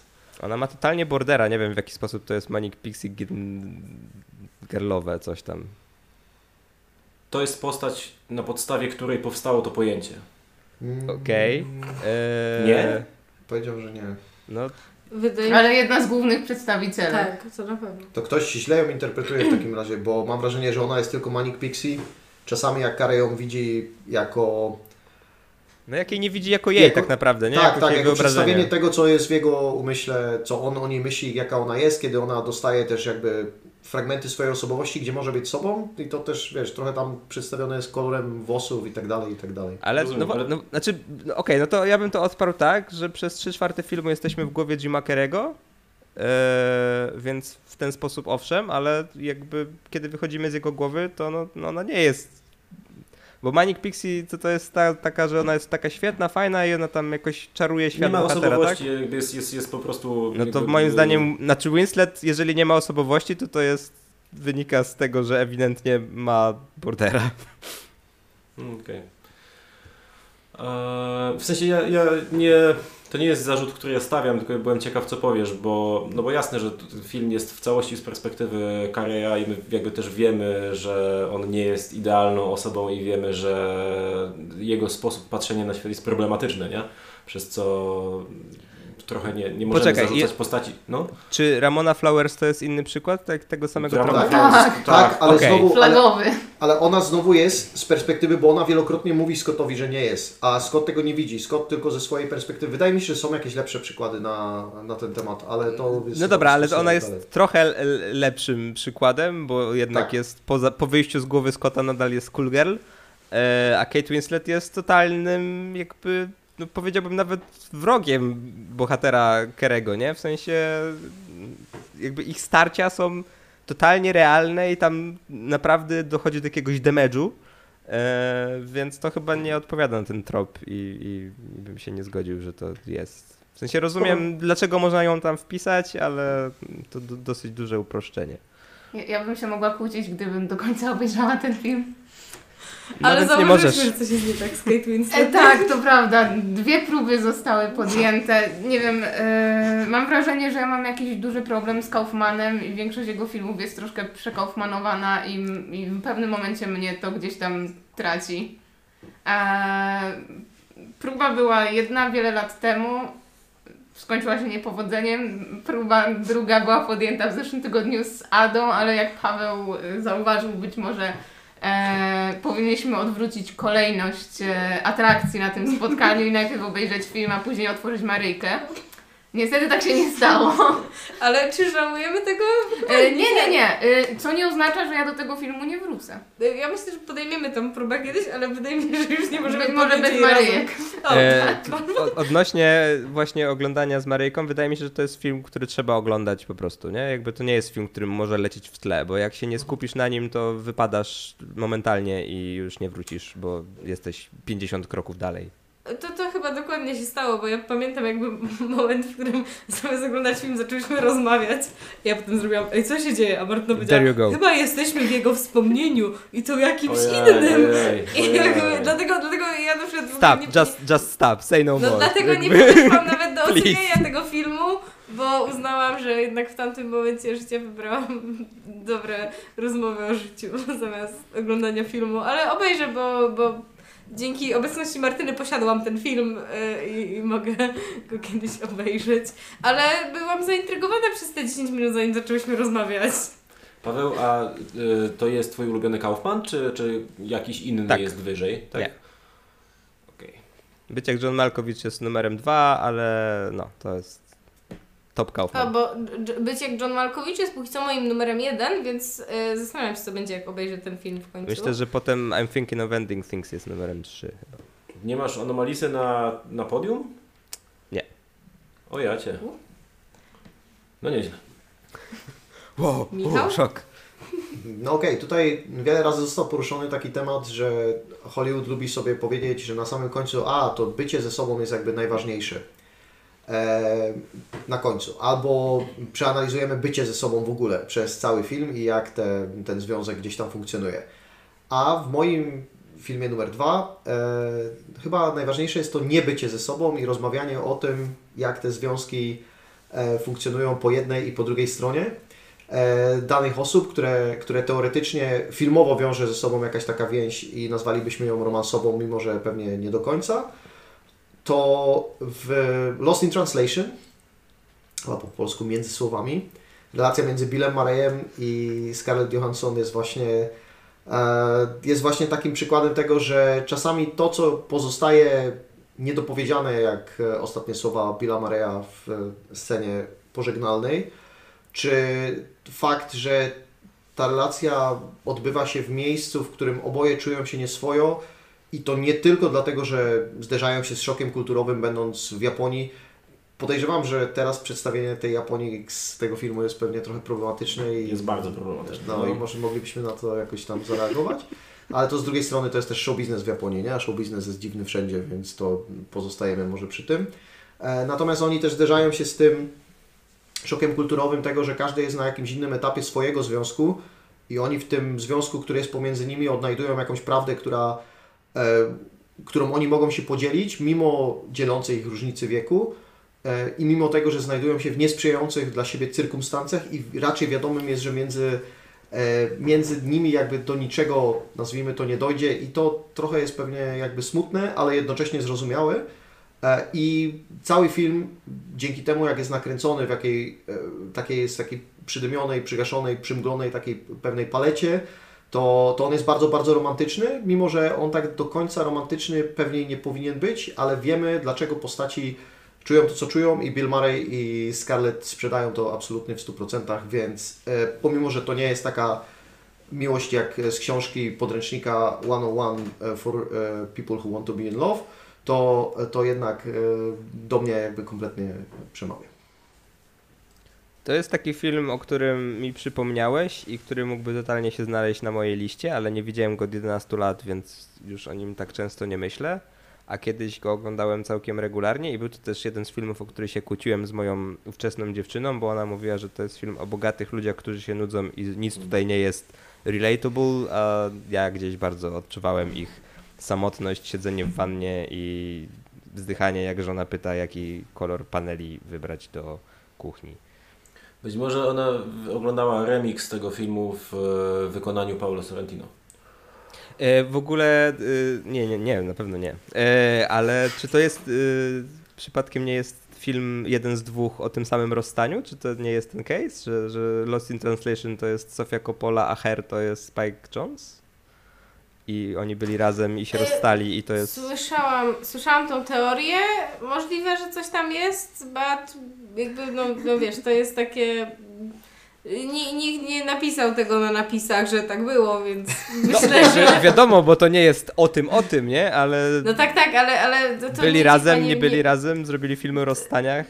Tak, tak, w sensie, bo ja, ja wiem do czego ty pijesz, bo ja to też gdzieś przeczytałam, że, że, że jakby jest taka, Dawid się o tym E, dowiaduje teraz. Że gdzieś to padło, więc to może być realną rzeczą, ale mam wrażenie, że to też było takie, nie, nie, nie, to nikt tego nie powiedział tak wiesz wprost, że tak było, więc mm, Ale z- zaraz, zaraz, ja tylko mam pytanie. Chodzi o rozstanie między Jonesem a z- tak? Mhm, tak. Okej, dobrze. Tak, tak. Ale e, odwołując się jeszcze do filmu, to e, też bardzo go lubię, też gdzie, gdzieś tam e, obijał się o moją topkę, ale no, no, jednak nie udało mi się wylądować, ale nadal mm, bardzo duże... Gorszy niż Love Rose. Nie Boże! Ja wiedziałam, że Daniel Love Rose i to będzie... Sama to sobie zrobiłaś. Jakby... Mhm. Mhm. Delicious, Ojej. delicious. Mm. Well, musicie, musicie z tym żyć i przynajmniej następnym razem nie będziecie chcieli mnie wymienić na 17-latkę, bo nadal mam jakby... To było, nie udawajcie, że nie... Ja pamiętam, nieważne. W każdym razie e, Lost in Translation też bardzo lubię i strasznie lubię tą scenę, w której nie słyszymy, co Bill Murray e, szepcze, sz- szepcze jej do ucha. O, tak, więc no, bardzo ładne miejsce. Bill Murray to jest ten koleś, który się uchował i nie został anulowany, chociaż mógłby, co? Jak wam się ogląda filmy z Billem Murrayem? A, a serio jest jakaś ten, czy sugerujesz, że jest, a nie wiemy O, jeszcze? w latach 70. To, to całe komediowe towarzystwo Belushich, Marejów i innych takich napierdalało kobiety, e, Nice. generalnie w dużym uproszczeniu. Wow. No Nie, no to jest- to jest, no, to, no to muszę w takim razie przeanalizować. To, to jest, to jest bardzo, mam wrażenie, że niesprawiedliwa generalizacja, którą, którą teraz zrobiłem, ale, ale sam, sam Marej, no jakby są e, relacje, że tak Są powiem. kwity. Na, tak, są kwity na niego. Mhm. No to trzeba będzie go anulować. Tak. No kurde. Ze wszystkich chcia- ludzi, nie? You were the chosen one. A A, to, chciałem jeszcze obejrzeć między Jeszcze- słowami, a tu już Jeszcze z. Keanu, nie? no, tak, tak, tak. A już chciałam powiedzieć, że No jest to- taki fajny Czyli, dokument. czyli ten między słowami pizgał ją. To jest... Miejsce pierwsze. Tum, tum, tum, tum. I Tum, tum, tum, tum. o swoim miejscu pierwszym opowie nam Ada. Okej, moje miejsce pierwsze to jest film stary, film z tak zwanych o, czasów kontrkulturowych w Stanach. I jest to film, który kiedy powiedziałam komuś, że to jest mój ulubiony film o miłości, zrobił, a czy to jest film o miłości? Uważam, że absolutnie tak. Jest to Absolvent Mike'a Nicholsa. To jest film, który najlepiej oddaje, mam wrażenie, moje aktualne, mój aktualny stosunek do jakby miłości i życia uczuciowego, jaki ja mam i dla, dlatego totalnie, ponieważ jest to moja topka, to, to dałam go na miejsce pierwsze, bo uważam, że to, fi- to jest film przede wszystkim o zagubieniu takim życiowym i to też zagubieniu właśnie w momencie tak zwanego dorastaństwa i, i, i tym, kiedy totalnie trochę nie wiemy, co się właśnie dzieje, jesteśmy w stanie wplątać się w naprawdę głupie sytuacje. Ja jakby też wiem o co chodzi, kiedy wplątujesz się w milion głupich sytuacji, po czym myślisz, że wyplątałeś się właśnie z głupiej sytuacji i właśnie znalazłeś dokładnie to. Po, po czym, tak jak w ostatniej scenie tego filmu, kiedy dwójka bohaterów jedzie ze sobą autobusem i uciekli właśnie z, z wesela, które okazało się failem dla jednej z osób, które jedzie tym autobusem, to to, to, to, to, to tam jest moment, w którym totalnie ten film mógłby się skończyć, w sensie kiedy oni jeszcze się uśmiechają i są strasznie zadowoleni z tego, że haha, uciekliśmy z tego wesela, ty już nie weźmiesz z nim ślubu, będziemy razem szczęśliwi. Ale potem przychodzi ten, jakby Mike Nichols przytrzymuje nas odrobinę dłużej i pokazuje nam to, jak oni odwracają od siebie wzrok i tak do obojga nagle dochodzi w sobie, co się wydarzyło i, i to, że oni w sobie nie są całkiem pewni tego, czy, czy chcą być razem i czy to w ogóle jest aż tak znaczącą dla nich rzeczą. I, I wydaje mi się, że to jest totalnie jakieś uczucie, które uważam, że spotyka też po prostu wielu, wiele ludzi, że w ogóle cały ten film opowiadając o tym, jak, jak to jest trochę uciekać nie do końca, w sensie uciekać po prostu od czegoś przede wszystkim, nie uciekać do innego miejsca, tylko po prostu uciekać od tego, że wiesz, że nie chcesz żyć tak, jak żyją na przykład twoi rodzice, nie chcesz być w takich układach, nie, nie chcesz, żeby plastik kurna rządził twoim życiem. I, i, i chcesz, chcesz też jakiejś, może chcesz jakiejś miłości, ale też nie wiesz, gdzie, gdzie jej szukać. Może też u- uważasz romans z, z znajomą Twoich starych za aktualnie najlepszą rzecz, jaką, jaka spotykacie w życiu, bo wywołuje w Tobie jakieś największe emocje i, i wydaje mi się, że trochę o tym jest ten film, czyli o, o tym, jak, o, o po prostu poszukiwaniach i o, o byciu zagubionym, o sprawdzaniu różnych rzeczy. No i też o tym, że trzeba się uczyć, nie wiem, na swoich błędach, chociaż to totalnie nie ma jakiegoś takiego moralizatorskiego wydźwięku, a to tak teraz zabrzmiało. Po prostu uważam, że to jest film, z którym bardzo mocno można rezonować, kiedy jest się młodym człowiekiem i, i, przede wszystkim jest to po prostu świetnie skomponowany film mówiący o tym, jak gdzieś tam mm, jakby pokolenie rodziców może próbować wtłoczyć Cię w coś innego niż, niż to, gdzie Ty chcesz być, ale też to jest film totalnie o tym, że czasem okej jest wiedzieć, że po prostu nie wiesz, gdzie chcesz teraz być. Ale zła interpretacja mojego filmu, ponieważ w przypadku tego filmu istnieje coś takiego jak zła interpretacja realnie, e, może e, skutkować różne rzeczy, a o tym z kolei opowiada numer jeden Martyny, więc możemy bardzo płynnie do niego przejść. Zanim to zrobimy, chciałem zapytać, czy pojęcie MILF istniało przed absolwentem? Argumentowałbym, że nie. Znaczy istniało, nie istniało pewnie to pojęcie, natomiast istniało ono w jakiejś takiej... Ono nie było discovered, a nie invented. Okej, to rozumiem. E, o, to jeszcze tylko powiem, że muzyka w moim filmie jest wspaniała i... To nie gadaj. A jaka piosenka na przykład jest znana z tego filmu? Wow, jedna czy dwie mam Ci powiedzieć znane? Mrs. Robinson czy...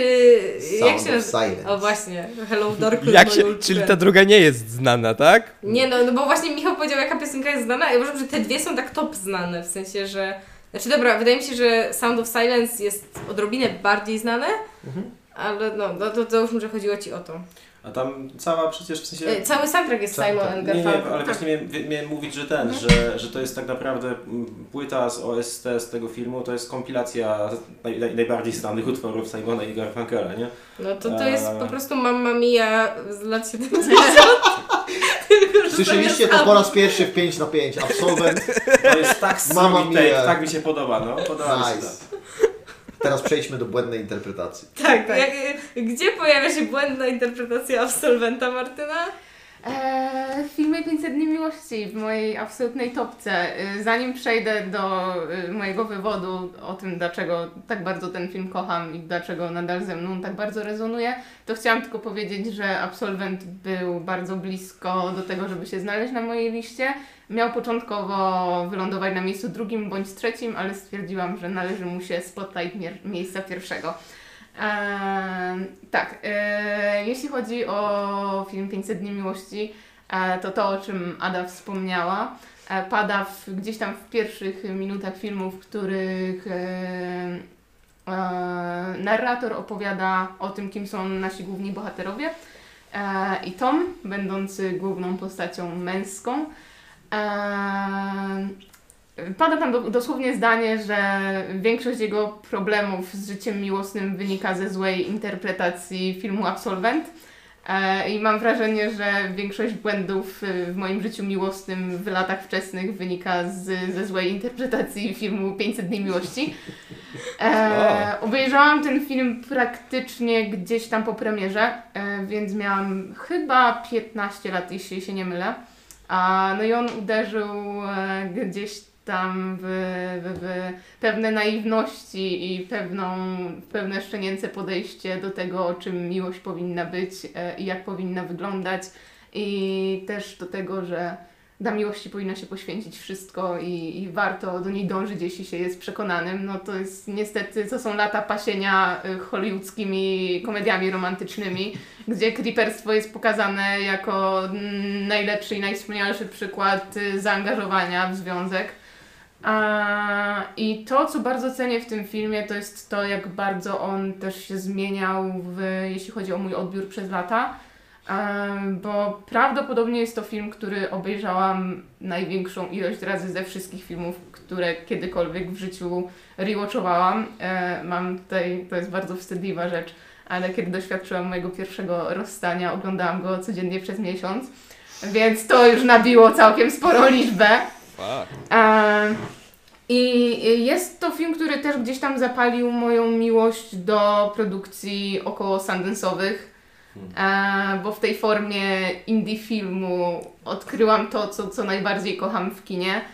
E, Jeśli chodzi o samą historię, wydaje mi się, że e, ona była dość odważna jak na tamte lata, biorąc pod uwagę to, że to był chyba taki pik tych amerykańskich, typowo amerykańskich komedii romantycznych, które przedstawiały bardzo szkodliwe zachowania w sposób pozytywny, które gloryfikowały właśnie to podejście, że o, dla miłości należy zrobić wszystko i nawet jeśli ta druga osoba nie wie jeszcze, że Cię kocha, to ma się przekonać, bo, bo, bo, Ty tak uważasz. I to jest coś, co jest zobrazowane właśnie w postaci Toma, który a, rozpoczyna ten film e, z takim jakimś idealistycznym podejściem do tego, że jak on znajdzie tę jedyną, to już wszystkie jego problemy w życiu się rozwiążą i oczywiście ta jedyna prędzej czy później musi zrozumieć, że on ją tak bardzo kocha i ta jego miłość ją przekona do tego. A, no i z biegiem filmu i z dobrą interpretacją wydarzeń tego filmu no dowiadujemy się, że no nie tędy droga, że, że, że, że próba zmuszenia kogoś do wpisania się w jakieś ramy relacji a, romantycznej, którą ty sobie wyobrażasz, no może skończyć się tylko i wyłącznie porażką. I to, co bardzo lubię w tym filmie, to jest to, że e, pomimo krytyki tego takiego idealistycznego podejścia do miłości, on nie wchodzi w taką totalną dolinę typu e, miłości nie ma, bzdura, e, nie istnieje, to idzie tylko doprowadzi do cierpienia i smutku, bo w momencie, w którym role się obracają, w którym to Summer mówi, że hej, no kiedy my się spotkaliśmy, to nie było to. Wtedy nie szukałam tego, ale teraz to znalazłam zupełnie przypadkowo. A to jest to takie wspaniałe obrócenie tych perspektyw. A w momencie, w którym on jest już tak zupełnie przybity i, i stwierdza, że a, miłość to chuj i w ogóle i teraz to ja się tylko skupiam na sobie i jebać dziwki i w ogóle, e, no to ona mówi, hej, ale tak nie jest. Po prostu my nie byliśmy, jakkolwiek głupio by to nie zabrzmiało, sobie przeznaczeni. I, I to, że faktycznie gdzieś tam dwójka osób się spotyka i to nie wychodzi, jest rzeczą zupełnie normalną i no, czy jest do końca czyjąś winą. Jeśli chodzi o mój obecny odbiór tego filmu, no to oni. Oczywiście, że większą winę stawiałabym po stronie Toma, bo on od początku dostaje sygnały, że hej, ja nie chcę, nie jestem zainteresowana tego typu relacją. E, No jednak tam gdzieś są w przypadku Summer jakieś tam e, problemy ze zbyt dużym przywiązaniem. E, Co do szczerości jej postaci w 100% się zgadzam i bardzo nie pozdrawiam wszystkie, wszystkie osoby, które kiedyś wypowiedziały zdanie, jaką to Summer jest suką i jakim to jest e, e, czarnym charakterem tego filmu. E, Douczcie się i nie wiem, nie stosujcie tych zasad w swoim życiu, bo każdy od Was ucieknie, tak jak ja.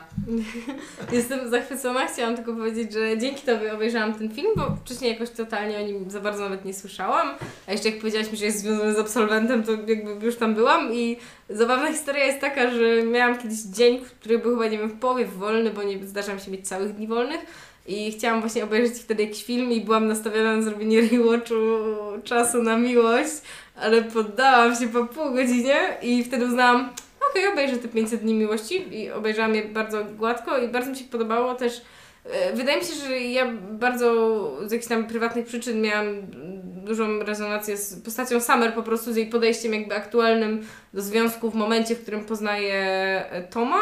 I, i, jakby dla mnie to było bardzo oczywiste, na przykład dlaczego ona jakby. I ona bardzo jakby wyjaśnia krótko, nie Tak, gościa, że tak. jakby ona nie, nie, nie chce wejść z nim w żadną poważniejszą relację. I bardzo optymistycznie nastroił mnie moment, w którym ona po prostu powiedziała, że z tym, z tym kolejnym typem po prostu była pewna jakby niektórych rzeczy, których nie była pewna z Tomem i z którymi nie chciała nawet być pewna.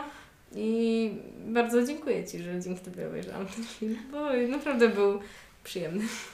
Su- Super jest w ogóle ten framing device z, z kalendarzem, który nam otwiera każdą scenę, co? Bo mimo, że to jest takie skrajne zaburzenie chronologii, to jednak w ten sposób możemy sobie odbijać poszczególne sytuacje z końca i początku związku i tego, jak takie same rzeczy wyglądają różnie z perspektywy czasu, nie? E, I, i, I myślę, że to robi dużo dobrego temu filmowi. Ostatnio usłyszałem ciekawą opinię odnośnie samej postaci Summer, Bo, bo tak jak w pełni się zgadzam z Tobą Martyna odnośnie tego, że ona po prostu od samego początku mówiła, że nie jest zainteresowana i tyle, to w ostatniej scenie, tam jednej z ostatnich scen, e, w której oni się spotykają jeszcze raz na tej ławce mm, i ona już jest zaręczona, czy nawet po ślubie, nie jestem pewien, mm, i się rozstają tak faktycznie, że farewell, bądź, bądź zdrowa, to ona kładzie mu swoją dłoń na jego dłoni i że to, to jakby, mimo że ona nie ma żadnych złych intencji, to to może być coś, co jest w pewien sposób podłe, bo on nadal jest w niej zakochany i jakby wywoływanie jakiegoś kontaktu fizycznego e, jemu może po prostu robić pewien dyskomfort, nie? W sensie to w tym, w tym momencie jest zachowanie, które jest nie, niekoniecznie potrzebne. To jest, to jakby to nie jest moja opinia, tylko taką usłyszałem. Myślę, że to jest ciekawe. E, I, i, i jest to na tyle ciekawe, że to wyrzucam, myślę, że nie pod dyskusję, tylko tak, wiesz. Y, To, to ja się do, akurat do tego podczepię, bo to o czym wspominałam wcześniej, że ona jakby ma bardzo duży problem z odpuszczeniem sobie tej relacji w momencie, w którym wie, że prawdopodobnie powinna, bo gdzieś się tam rozjeżdżają zupełnie te ich priorytety. Zresztą jest ta straszna scena, kiedy em, oni są w barze, e, ją zaczepia jakiś typek, rzuca taką złośliwą uwagę do Toma, że ona jest z tobą. Tom wypierdala mu w mordę, wracają do domu, kłócą się o to, gdzie ona mówi, że hej, ty, jeśli ty sobie wmawiasz, że mnie broniłeś, to, to jest to po prostu absolutne wyparcie, bo broniłeś siebie i swojego męskiego ego. A, I on w tym momencie rzuca czymś tam a, i mówi, że do cholery jesteśmy parą, bo ja tak mówię, bo się zachowujemy jak para i tak będzie.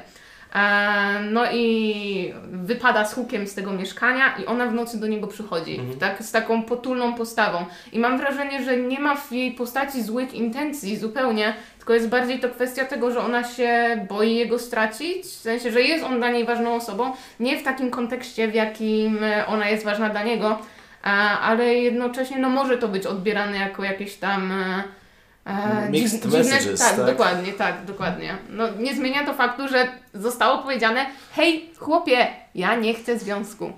Tak, tak, tak, tak. Czy ja, czy ja, mam jeszcze czy ja pytanie- mogę? Aha, proszę. Bo dawno nic nie mówiłem, chciałbym powiedzieć, bo ostatnio obejrzałem ten film i to był pewien błąd, bo tak czułem, że nie powinienem. W sensie oglądałem go x lat temu, no tam gdzieś w okolicach premiery, trochę po. I miałem, widziałem taką ósemkę na Filmwebie, ale totalnie zero recollection, nic nie pamiętałem z niego.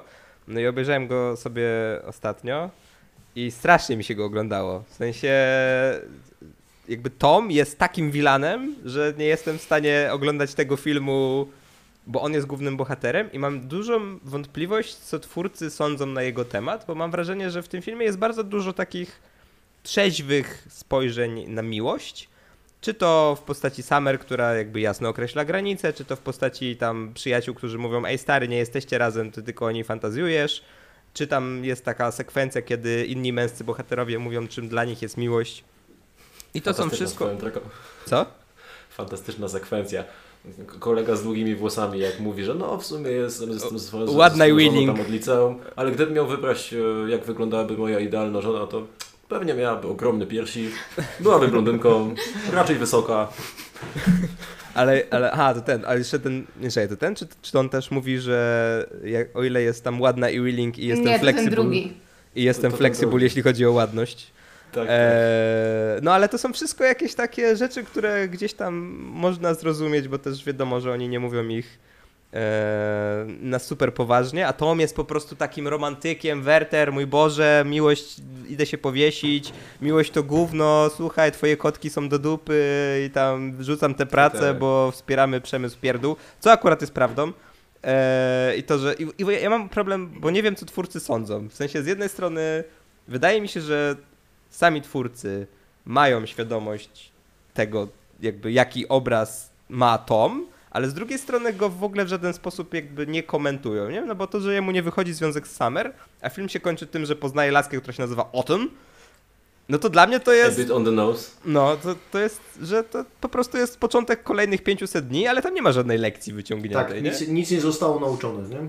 No i... No ale No. Mm, Bo ja, ja wiem akurat, jaki jest stosunek e, twórców e, do postaci Toma No. i mam wrażenie, że ten film, e, no tak jak wcześniej wspominałam, on trafił na bardzo zły moment a, i przekaz był jasny, że Tom jest nie okej, w sensie, że Tom się zatraca w tej, w tej wizji swojej miłości. W ogóle to, co mnie bardzo urzekło, no to ta bardzo duża krytyka tego takiego No też w przypadku moich lat nastoletnich zatracenia się w, w, w sposobie przedstawiania miłości. No kurwa, dismiss i nie wiem, nurzanie się w tym, że on mnie chce albo mm, spojrzał na inną. No to jest chuj prawdziwe. I to jest coś, czego doświadczyłam i w czym rozumiałam w pełni postać Toma. I jest to coś, czego bardzo też się jest ciężko pozbyć z czasem. Że w momencie, w którym wdrukowany w Twój umysł jest jakiś obraz tego, jak to ma wyglądać, albo jak masz przeżywać rzeczy, albo co oznaczają jakieś gesty, które, nie wiem, nawet Tobie sprawiają dyskomfort, to jest coś, co trzeba, przez, co, co, co, z czym po prostu trzeba walczyć. I ta scena ostatnia, ja, mm, no, no, no, no jest ona taka, miałam z nią duży problem przez, przez bardzo długi czas, ale mam wrażenie, że ona jest, to, to, to, wspaniałe porównanie, no to jest trochę taki case zakończenia y, Incepcji, że w sumie, czy to ma znaczenie, może on jest nadal głupi i stwierdził, że to jest znak z nieba i, i znowu będzie tym creepem i znowu wpędzi tę laskę w te relacje. A może ten jego uśmieszek był taki, ha, tym razem się w to, tym razem się w to nie wplączę. I To właśnie bym powiedział, to, że że to, on co, nie przebył... to, co mówisz, że, że przekaz jest jasny, to właśnie moim zdaniem to, że jakby są te wątpliwości na końcu, znaczy, że nie jest. Bo ja wierzę w to, że Znaczy- twórcy wiedzą, ale wydaje mi się, że nie przekazali tego wystarczająco jasno. Ja nie uważam, że przekaz jest jasny co do tego, że, że on zrozumiał. To tak, to w 100% się zgadzam. No przekaz jest jasny do co do tego, że on jest nie okej. Tylko, no mówię, no trafiło to na taki moment narracyjny, y, jeśli chodzi o kino około miłosne, że bardzo, w bardzo duży sposób to znaczenie zostało przekręcone. I to, co uwielbiam w ogóle w Josephie Gordonie Lewicie, czyli odtwórcy postaci Toma, to jest to, że on po tych tylu latach, on nadal walczy na Twitterze z ludźmi piszącymi, że Summer to suka i że generalnie, że ona jest najgorszą postacią w tym filmie. I rozumiem, że może to budzić pewne wątpliwości co do tego, że czy, czy przekaz jest wystarczająco jasny, ale mam wrażenie, że no nie jest to wina filmu, tylko wina odbiorców. I czy z tym coś można zrobić? Nie wiem, może lepsza edukacja. N- Nie będę się bardziej kłócił. No i Wydaje mi się, że jedną, jedną rzeczą, którą jeszcze chciałam powiedzieć, to jest to, że ten film jest taki. A, można, nie chcę powiedzieć, że memiczny, bo to może zostać źle odebrane. Mam na myśli to, że są tam te sceny, które tak w moim przypadku zapadają w 100% w pamięć. No wiadomo, że takim sztandarowym, no już trochę przeruchanym przykładem jest ta scena Expectations, Reality, jest to love, I Love Us, e, są te sceny, o, o, ta scena, o której mówiliśmy wcześniej, kiedy oni mówią, czym jest dla nich miłość. Jest ten kontrast pomiędzy tym, jak on mówi o niej na początku miłości, na początku tej ich relacji i zachwyca się tymi wszystkimi rzeczami w niej, a pod koniec mówi, jak ja kurwa tego wszystkiego w niej nienawidzę. Kocham ten film ze względu na to i też ze, ze względu na to, że gdzieś tam mi towarzyszył na tej drodze e, ku zrozumieniu, czym miłość powinna być, a przede wszystkim czym być nie powinna. Okej, e, mój numer jeden jest oszustwem, bo tak naprawdę to są trzy filmy, e, a nie jeden, ale, Hmm. ale myślę, że zaliczają e, pewną progresję i pokazują to, co mnie najbardziej interesuje, czyli od początku do samego końca, jak miłość już się rozpadła. I mówimy oczywiście tutaj o Before Midnight, w którym zawieramy jednocześnie pozostałe filmy Richarda Linklatera, czyli Before Sunrise i Before Sunset, z których bardzo długo moim ulubionym był właśnie Before Sunset, e, ze względu na to, że już nie byliśmy w tym frajerskim momencie, o poznajemy się i prawie jesteśmy interesujący i mamy takie meet cute w pociągu i fuck you, bo macie, bo ma ten, e, Ethan Hawke ma trochę przydługawe włosy i zachowuje się nieco jak bohater e, filmu Orbitowanie bez cukru i chciałem tylko użyć tego tytułu. Natomiast e, przy Before Sunset już mamy to zderzenie z prawdziwą rzeczywistością, kiedy mm, Julie Delpy e, pyta go, czy on faktycznie przyjechał do tego Wiednia. E, I on mówi, nie, nie, wiadomo, że nie przyjechałem, przecież nie jestem frajerem, nie? I potem się okazuje, że on tak naprawdę tam był i czekał na nią, a ona nie, no i nagle się okazuje, że e, expectations i rea- reality nie stoją ze sobą w zgodzie, a potem mamy trzeci film, czyli, który stał się moim ulubionym, czyli Before Midnight, kiedy już jesteśmy w absolutnej prozie życia i oni trochę jak w Call Me By Your Name chodzą sobie po, tym, po tych pięknych okolicach, mogą sobie ręką sięgnąć po, po pomarańczko i świeci na nich słoneczko i w ogóle siadają na jakiejś tam wykwitnej kolacji, która jest przy stole i podają sobie ciepły chlebek i tak dalej. A okazuje się, że wszystko y, tak naprawdę między nimi jest popaprane, mimo że mieliśmy świadectwa, jak to wyglądało na początku, czyli to jak trochę w, 500, w 500 dniach miłości e, mamy te przeskoki, to co było na początku fajne, potem na końcu jest frustrujące, to tutaj też się to pojawia, tylko na przestrzeni jakby trzech filmów i e, mam wrażenie, że najlepsze jest to, że akurat ci bohaterowie są na tyle świadomi, że oni sobie zdają tego sprawę, że oni są w stanie podejść do tego nie, nadal nie są w stanie nie podejść do tego emocjonalnie, o czym świadczy najlepsza kłótnia ze wszystkich filmowych kłótni małżeńskich, które widziałem w filmie i Marriage Story się może absolutnie schować, bo tam tylko Adam Driver pizga w ścianę i krzyczą do siebie jakieś takie nieprzyjemne rzeczy, a tutaj wbijają takie szpilki, podnosząc głosy e, w tych momentach, w których tylko to jest potrzebne, ale tak naprawdę sięgając do rzeczy, o których my jeszcze nie do końca wiemy i nie będąc do siebie tak bezpośrednio jakby e, wulgarni. E, jakby cały ten cała ta paleta barw, która przewija się przez ten związek ich od, e, od Before Sunrise do, do, do samego końca przy Before Midnight, to to jest takie moje ulubione przedstawienie ze względu na to, że tam boję się używać tego słowa, że to jest realistyczne, ale mam wrażenie, że jest psychologicznie prawdopodobne i zrobione jest takim faktyczną próbą zrozumienia tego, co w tym związku się dzieje i przełożeniem tego na te sytuacje filmowe, które ja robię. Dobra, teraz my przez półtorej godziny będziemy sobie gadać i od początku filmu, kiedy my zaczęliśmy rozmowę, na koniec filmu, mimo że tak naprawdę geograficznie nie zmieniliśmy lokacji i teoretycznie jesteśmy tymi samymi osobami, to wiemy o sobie coś więcej i dotarliśmy z jednego punktu wejścia do drugiego punktu wyjścia, gdzie nie, my nie wiemy do końca, co się stanie, nie wiemy, czy oni podejmą decyzję, żeby na ten temat pracować, ale wiemy, że dotarli do jakiegoś miejsca takiego pewnego stycznego, gdzie, e, gdzie ta rozmowa na temat tego związku dalej musi w jakiś sposób trwać i sugeruje nam, że nie można tej pracy nigdy zaprzestać. Ja nie wiem, czy jest... Wybór. W sensie, no, Ja nie wiem, czy jest sens coś dopowiadać, to ja, ale, ale dopowiem.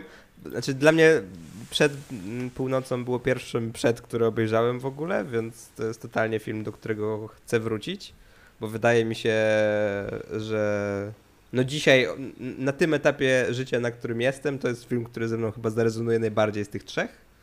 E, A też przez to, że był to pierwszy, który oglądałem, no to jakby najmniej o nim, najmniej rozumiałem te relacje wtedy, nie? Bo wydaje mi się, że jednak ten background z dwóch pierwszych filmów się przydaje. Jakby co, ja zacząłem od Before Sunset, więc od środka i chyba widziałem Before Sunrise potem i dopiero potem Before Midnight, więc też jakoś tak kwadratowo.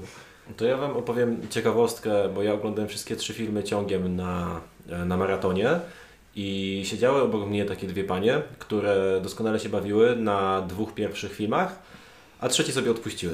I to jest... e, Ale jakby- wyszły, czy... Wyszły, tak, tak. E, nie, nie, że w trakcie Okej. filmu, tylko po prostu po, po, drugim, po drugim seansie stwierdziły, dobra, this- is the place where I want this to end.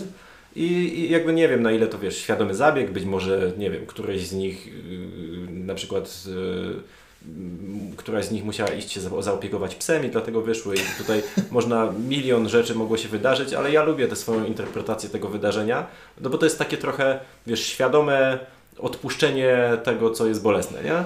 Ale to jest, pozostawimy zawsze najciekawszą interpretację. Nie, nie ma psów, nie ma dzieci, nie, nie, nie że akurat One wiedziały. się, że pali jej się kuchnia, one wiedziały.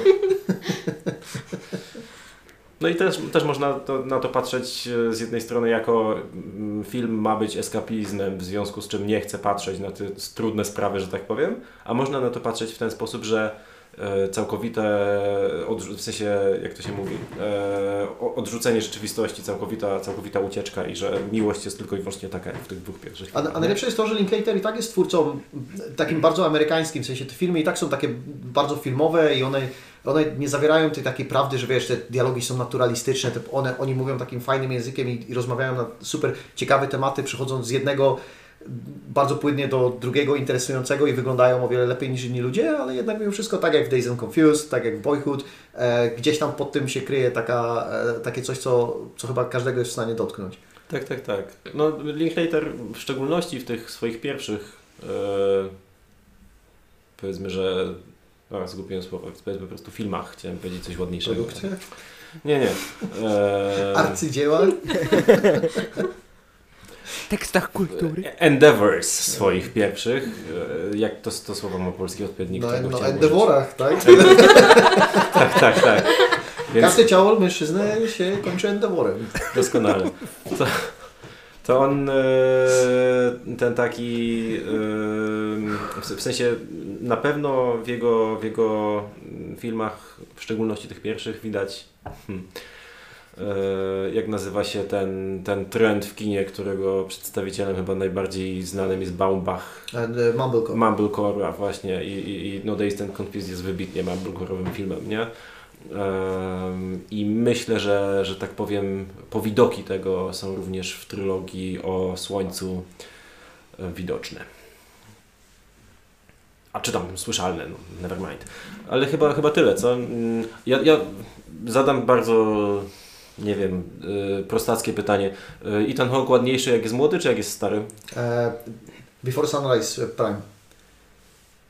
O. przepraszam, Before Sunset Prime. E, Before Sunset, Czyli środek, tak? czyli środek. Okej, dobrze. Też bym tak powiedział chyba. Czyli już, już nie wygląda jak taki piz, pizduś, ale jeszcze nie wygląda Tak. jak, jak stary człowiek. Jeszcze nie jest tam tym... Pety jeszcze nie jest-? Tak, jeszcze nie jest... Jest depetyzacja nastąpiła wtedy. To, to jest jakby najważniejsze. E, Okej. Dawid, poproszę Twój numer jeden.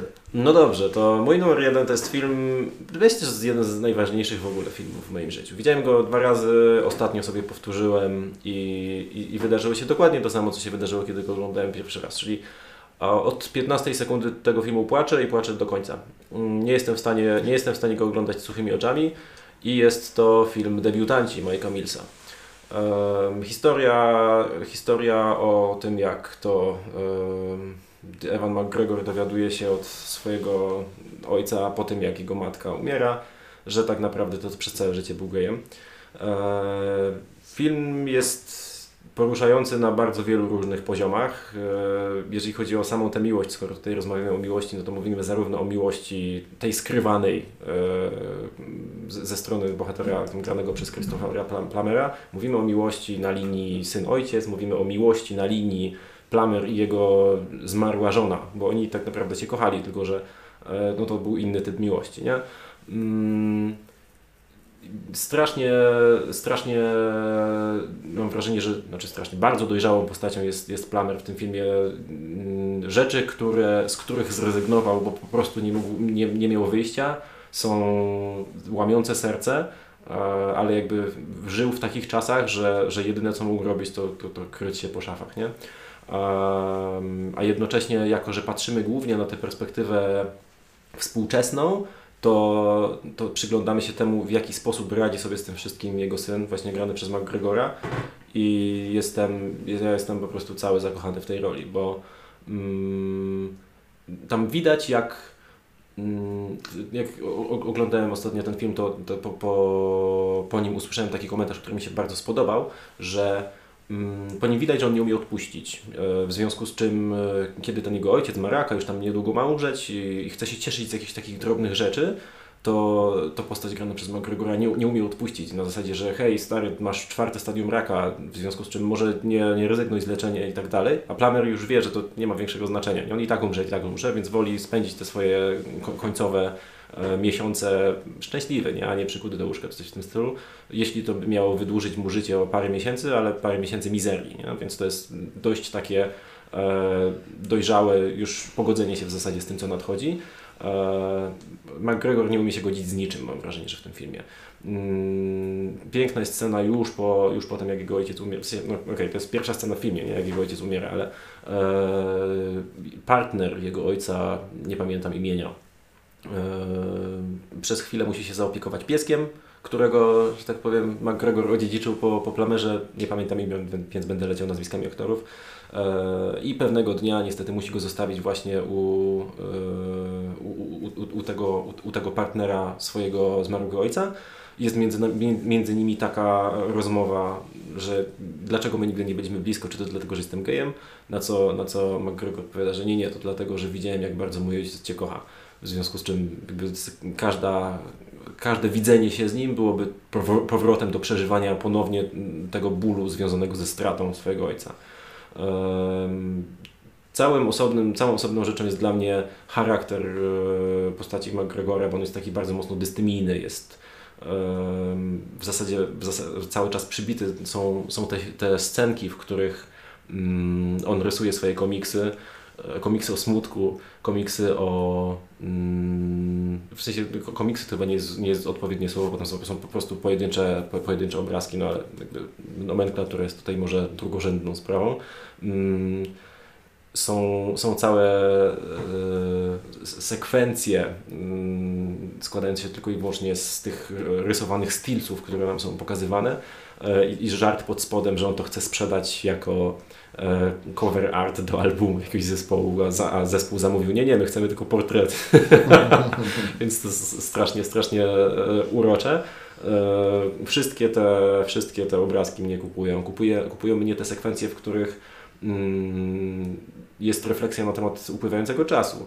E, Czyli mój ojciec urodził się w tym a tym roku. Tak wtedy wyglądali szczęśliwi ludzie, tak wyglądał ideał piękna, tak wyglądał prezydent, tak wyglądało coś tam. I te, te, ta sekwencja jest powtórzona kilka razy dla różnych okresów, więc e, widzimy zmieniający się świat, widzimy zmieniających się ludzi, widzimy e, zmieniającą się kulturę i w tym wszystkim mamy człowieka, który tak naprawdę to nie jest najciekawszą postacią, bo najciekawszą postacią ewidentnie jest Plummer, ale my, nasza perspektywa jest bliska perspektywie, um, perspektywie McGregora i patrzymy na świat troszeczkę jego oczami. Ja, jako że czu- czuję, że, że top 1 filmów o miłości to jest to miejsce, w którym każdy troszeczkę mówi o tym, jaki jest, no ja jestem, jestem bardzo takim człowiekiem jak McGregor. Mam bardzo podobne spojrzenie do, do, do niego na świat. Mam bardzo dużo tych samych wad co on.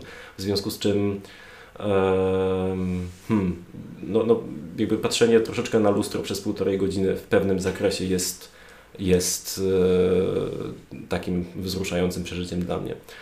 Oczywiście jest tu jeszcze, jeszcze, jeszcze jeden aspekt pod kątem miłosnym, czyli tam McGregor poznaje e, Manic Pixie Dream Girl Melanie Laurent. Me- Melanie Laurent, tak, która, która też e, ma, ma całe swoje thing going on ze swoim ojcem i tak dalej, e, ale to, to mm, powiedzmy, że jakkolwiek ten wątek w filmie też bardzo lubię, w sensie nie ma w nim rzeczy, których nie lubię, mam wrażenie, to, to on jest e, służebny wobec tego wszystkiego, o czym mówiłem do tej pory. Ta, ta relacja z ojcem jest e, no, niesamowita. Plummer dostał bardzo, bardzo, bardzo zasłużonego Oscara za tę rolę. A ja, no cóż, Majka Millsa to e, na ołtarze bym wynosił i chyba, chyba na tym skończę. Paweł? Eee, Co? Ja tak się zacząłem, jak Dawid powiedział, że miejsce pierwsze e, jest miejscem, w którym każdy mówi trochę o tym, jaki jest. Zastanawiam się, co o mnie mówi moje miejsce pierwsze. Moim miejscem pierwszym jest Braveheart. Czyli, że, że, że nie lubisz Żydów. Miłość do ojczyzny? Co? Czego nie lubię? Miłość do wolności. Miłość do wolności. Tak, śmierć za ideały, takie tam. Eee, no, więc y, tak, Braveheart Mela Gibsona z Melem Gibsonem. Eee, film niby historyczny, ale wcale nie. Eee, kilty są wynalazkiem XIX wieku, a nie tam XII, w którym się dzieje akcja. Eee, I co? Eee, to jest film, który obejrzałem jako kilkulatek. Eee, I prawdopodobnie było to za wcześnie, ale to nieważne. To jest też film, od którego zaczyna się chyba moja miłość do kina, więc to jest dla mnie top jeden trochę filmów o miłości również takiej. Eee, i to jest też top jeden moich seansów kinowych ever, bo obejrzałem go 6 lat temu w kinie e, jako jedna tam z 10 osób i wymyśliłem cały cykl DKF-u tylko po to, żeby zrobić seans kinowy Bravehearta. Niczego nie żałuję. Eee, no i Było też? By, było też na tym cyklu? co było? W jaki, w jaki sposób je połączyłeś? Nie były kochanice króla, ale tam wątki były takie, no, chyba, a może nie? Nie wiem, ale luźne były te szwy, wiesz, to tam mogło być równie dobrze. E, w każdym razie, no to są trzy godziny świetnego kina, którego będę bronił zawsze i ostatnio się tam, powiedzmy, troszkę sprzeczałem z, z Bartkiem Liczne Rany Kłute, e, który gdzieś ostatnio re- rewatchował i dał 4 na 10 i tam miał zarzuty, że kino historyczne, nieautentyczne i tam coś tam, coś tam. I że sceny batalistyczne też jakieś straszne i paskudny montaż. No ja pamiętam z tych przed, sprzed tych 6 lat, że duże wrażenie na mnie zrobiło to, że w tym filmie bardzo mało jest dialogów. Pamiętałem, że jest ich dużo więcej, ale mam wrażenie, że tam no jak na 3-godzinny film to mówi się bardzo mało. Bardzo dużo jest grane na gestach, na ciszy, na spojrzeniu, na montażu, który nie jest beznadziejny właśnie. E, I też Mel Gibson dużo robi. E, można się tam kłócić, na ile on pasuje. Najbardziej niepasująca jest prawdopodobnie relacja, ta miłosna właśnie, z tam chyba o 20, o 20 lat młodszą aktorką i ewidentnie widać, że jest między nimi 20 lat różnicy, a, a niby ma nie być. E, ale no, no, no okej, to, to są takie czasy też, kiedy chyba nie bardzo się zatrudniało jako love interest aktorki powyżej 30. No cóż, to się na szczęście trochę zmienia. Em, ale no, uważam, że świetny film, też również piękny o ideałach, jakiejś idei. Ostatnia scena, ostatnie 10 minut Bravehearta to jest coś, co mogę sobie puścić, jak chcę, jak chcę zapłakać. E, więc tak, świetna muzyka Jamesa Hornera. E, no i chyba tyle, nie, nie, nie będę. Jak ktoś nie widział, to polecam. Ja nie widziałem. Czy, ja, Polecasz? te, ja, też nie, ja też nie widziałem. Martyna? Serio? Nie. Naprawdę? Cała, Nikt czwór, nie widział. cała No to- nasza czwórka nie widziała. No to wiemy co robimy, wiemy co oglądamy. Okej, Nie.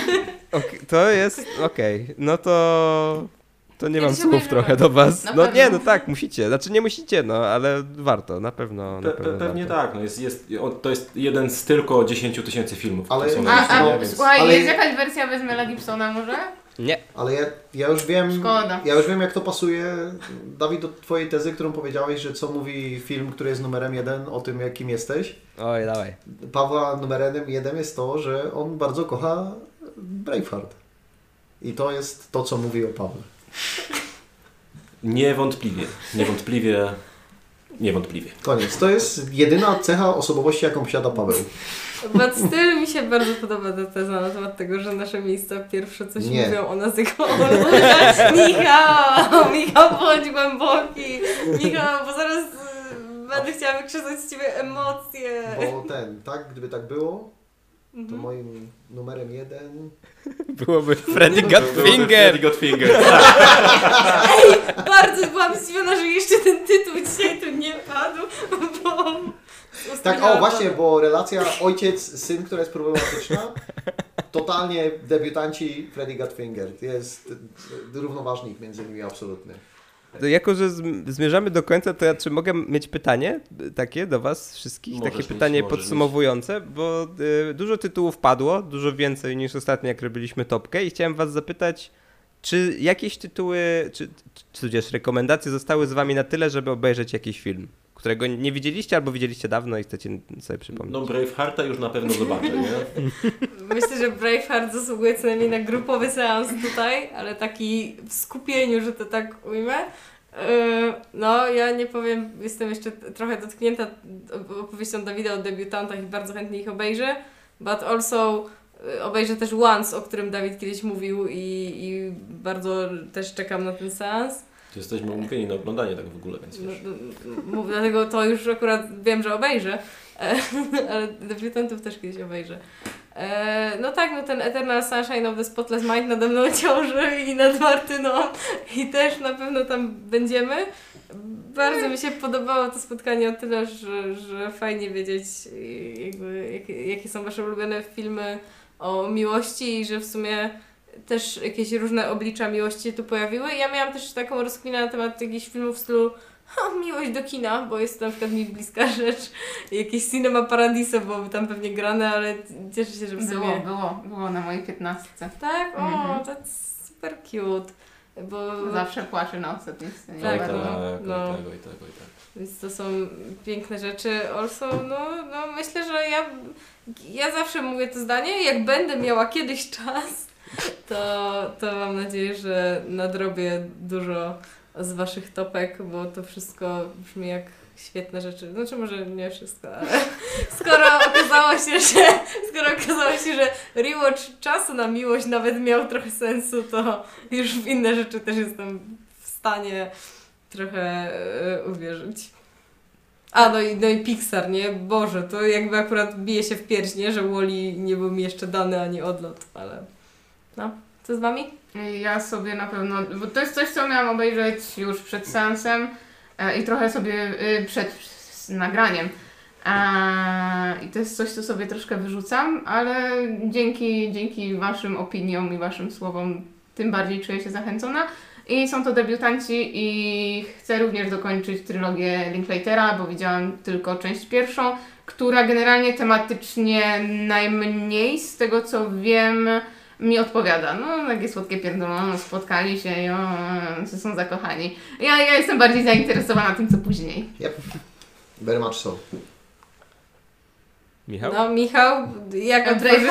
Nie, Dalej, Michał, otwórz się na Żaden, emocje. przecież wiedzieliście, że tak będzie ten. Żaden z tych filmów, które podaliście mnie kompletnie nie interesuje, więc nie, No Ja pamiętam, że, że myśmy się o, o debiutantów już kłócili jakiś czas temu, tak.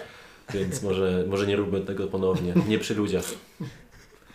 E, To jest, jest- jest, jest jakaś delikatna szansa na rewatch debiutantów w 2749 roku.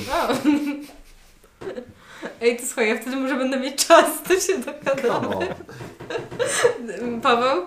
No ja chciałem powiedzieć, że już rozważałem, w sensie obejrzałem 500 dni miłości przygotowując się do tej topki, więc to, to mam odhaczone, ale jakoś mnie interesuje, nie wiem czemu, ten Oli Maki. Nie mam pojęcia dlaczego. No i też, jak już powiedziałem przed północą, Jak No. ja się dowiedziałem, bo jestem fanem boksu ogólnie, jak się dowiedziałem, że on przegrał w drugiej rundzie, to e, przestał mnie kompletnie ten film interesować. Mnie ten Oli Maki zaciekawił o tyle, że jednym z moich większych zaskoczeń filmowych w życiu był seans Wściekłego Byka, do którego ja podchodziłam z takim Ej, te tam filmy na pierdalaniu się, a ja jestem absolutnie zachwycona i ten film jest totalnie w moim Yes. takim top 10 Yes. w ogóle filmów Mhm. ever, tak? E, Jak się nazywa ta książka, Michał?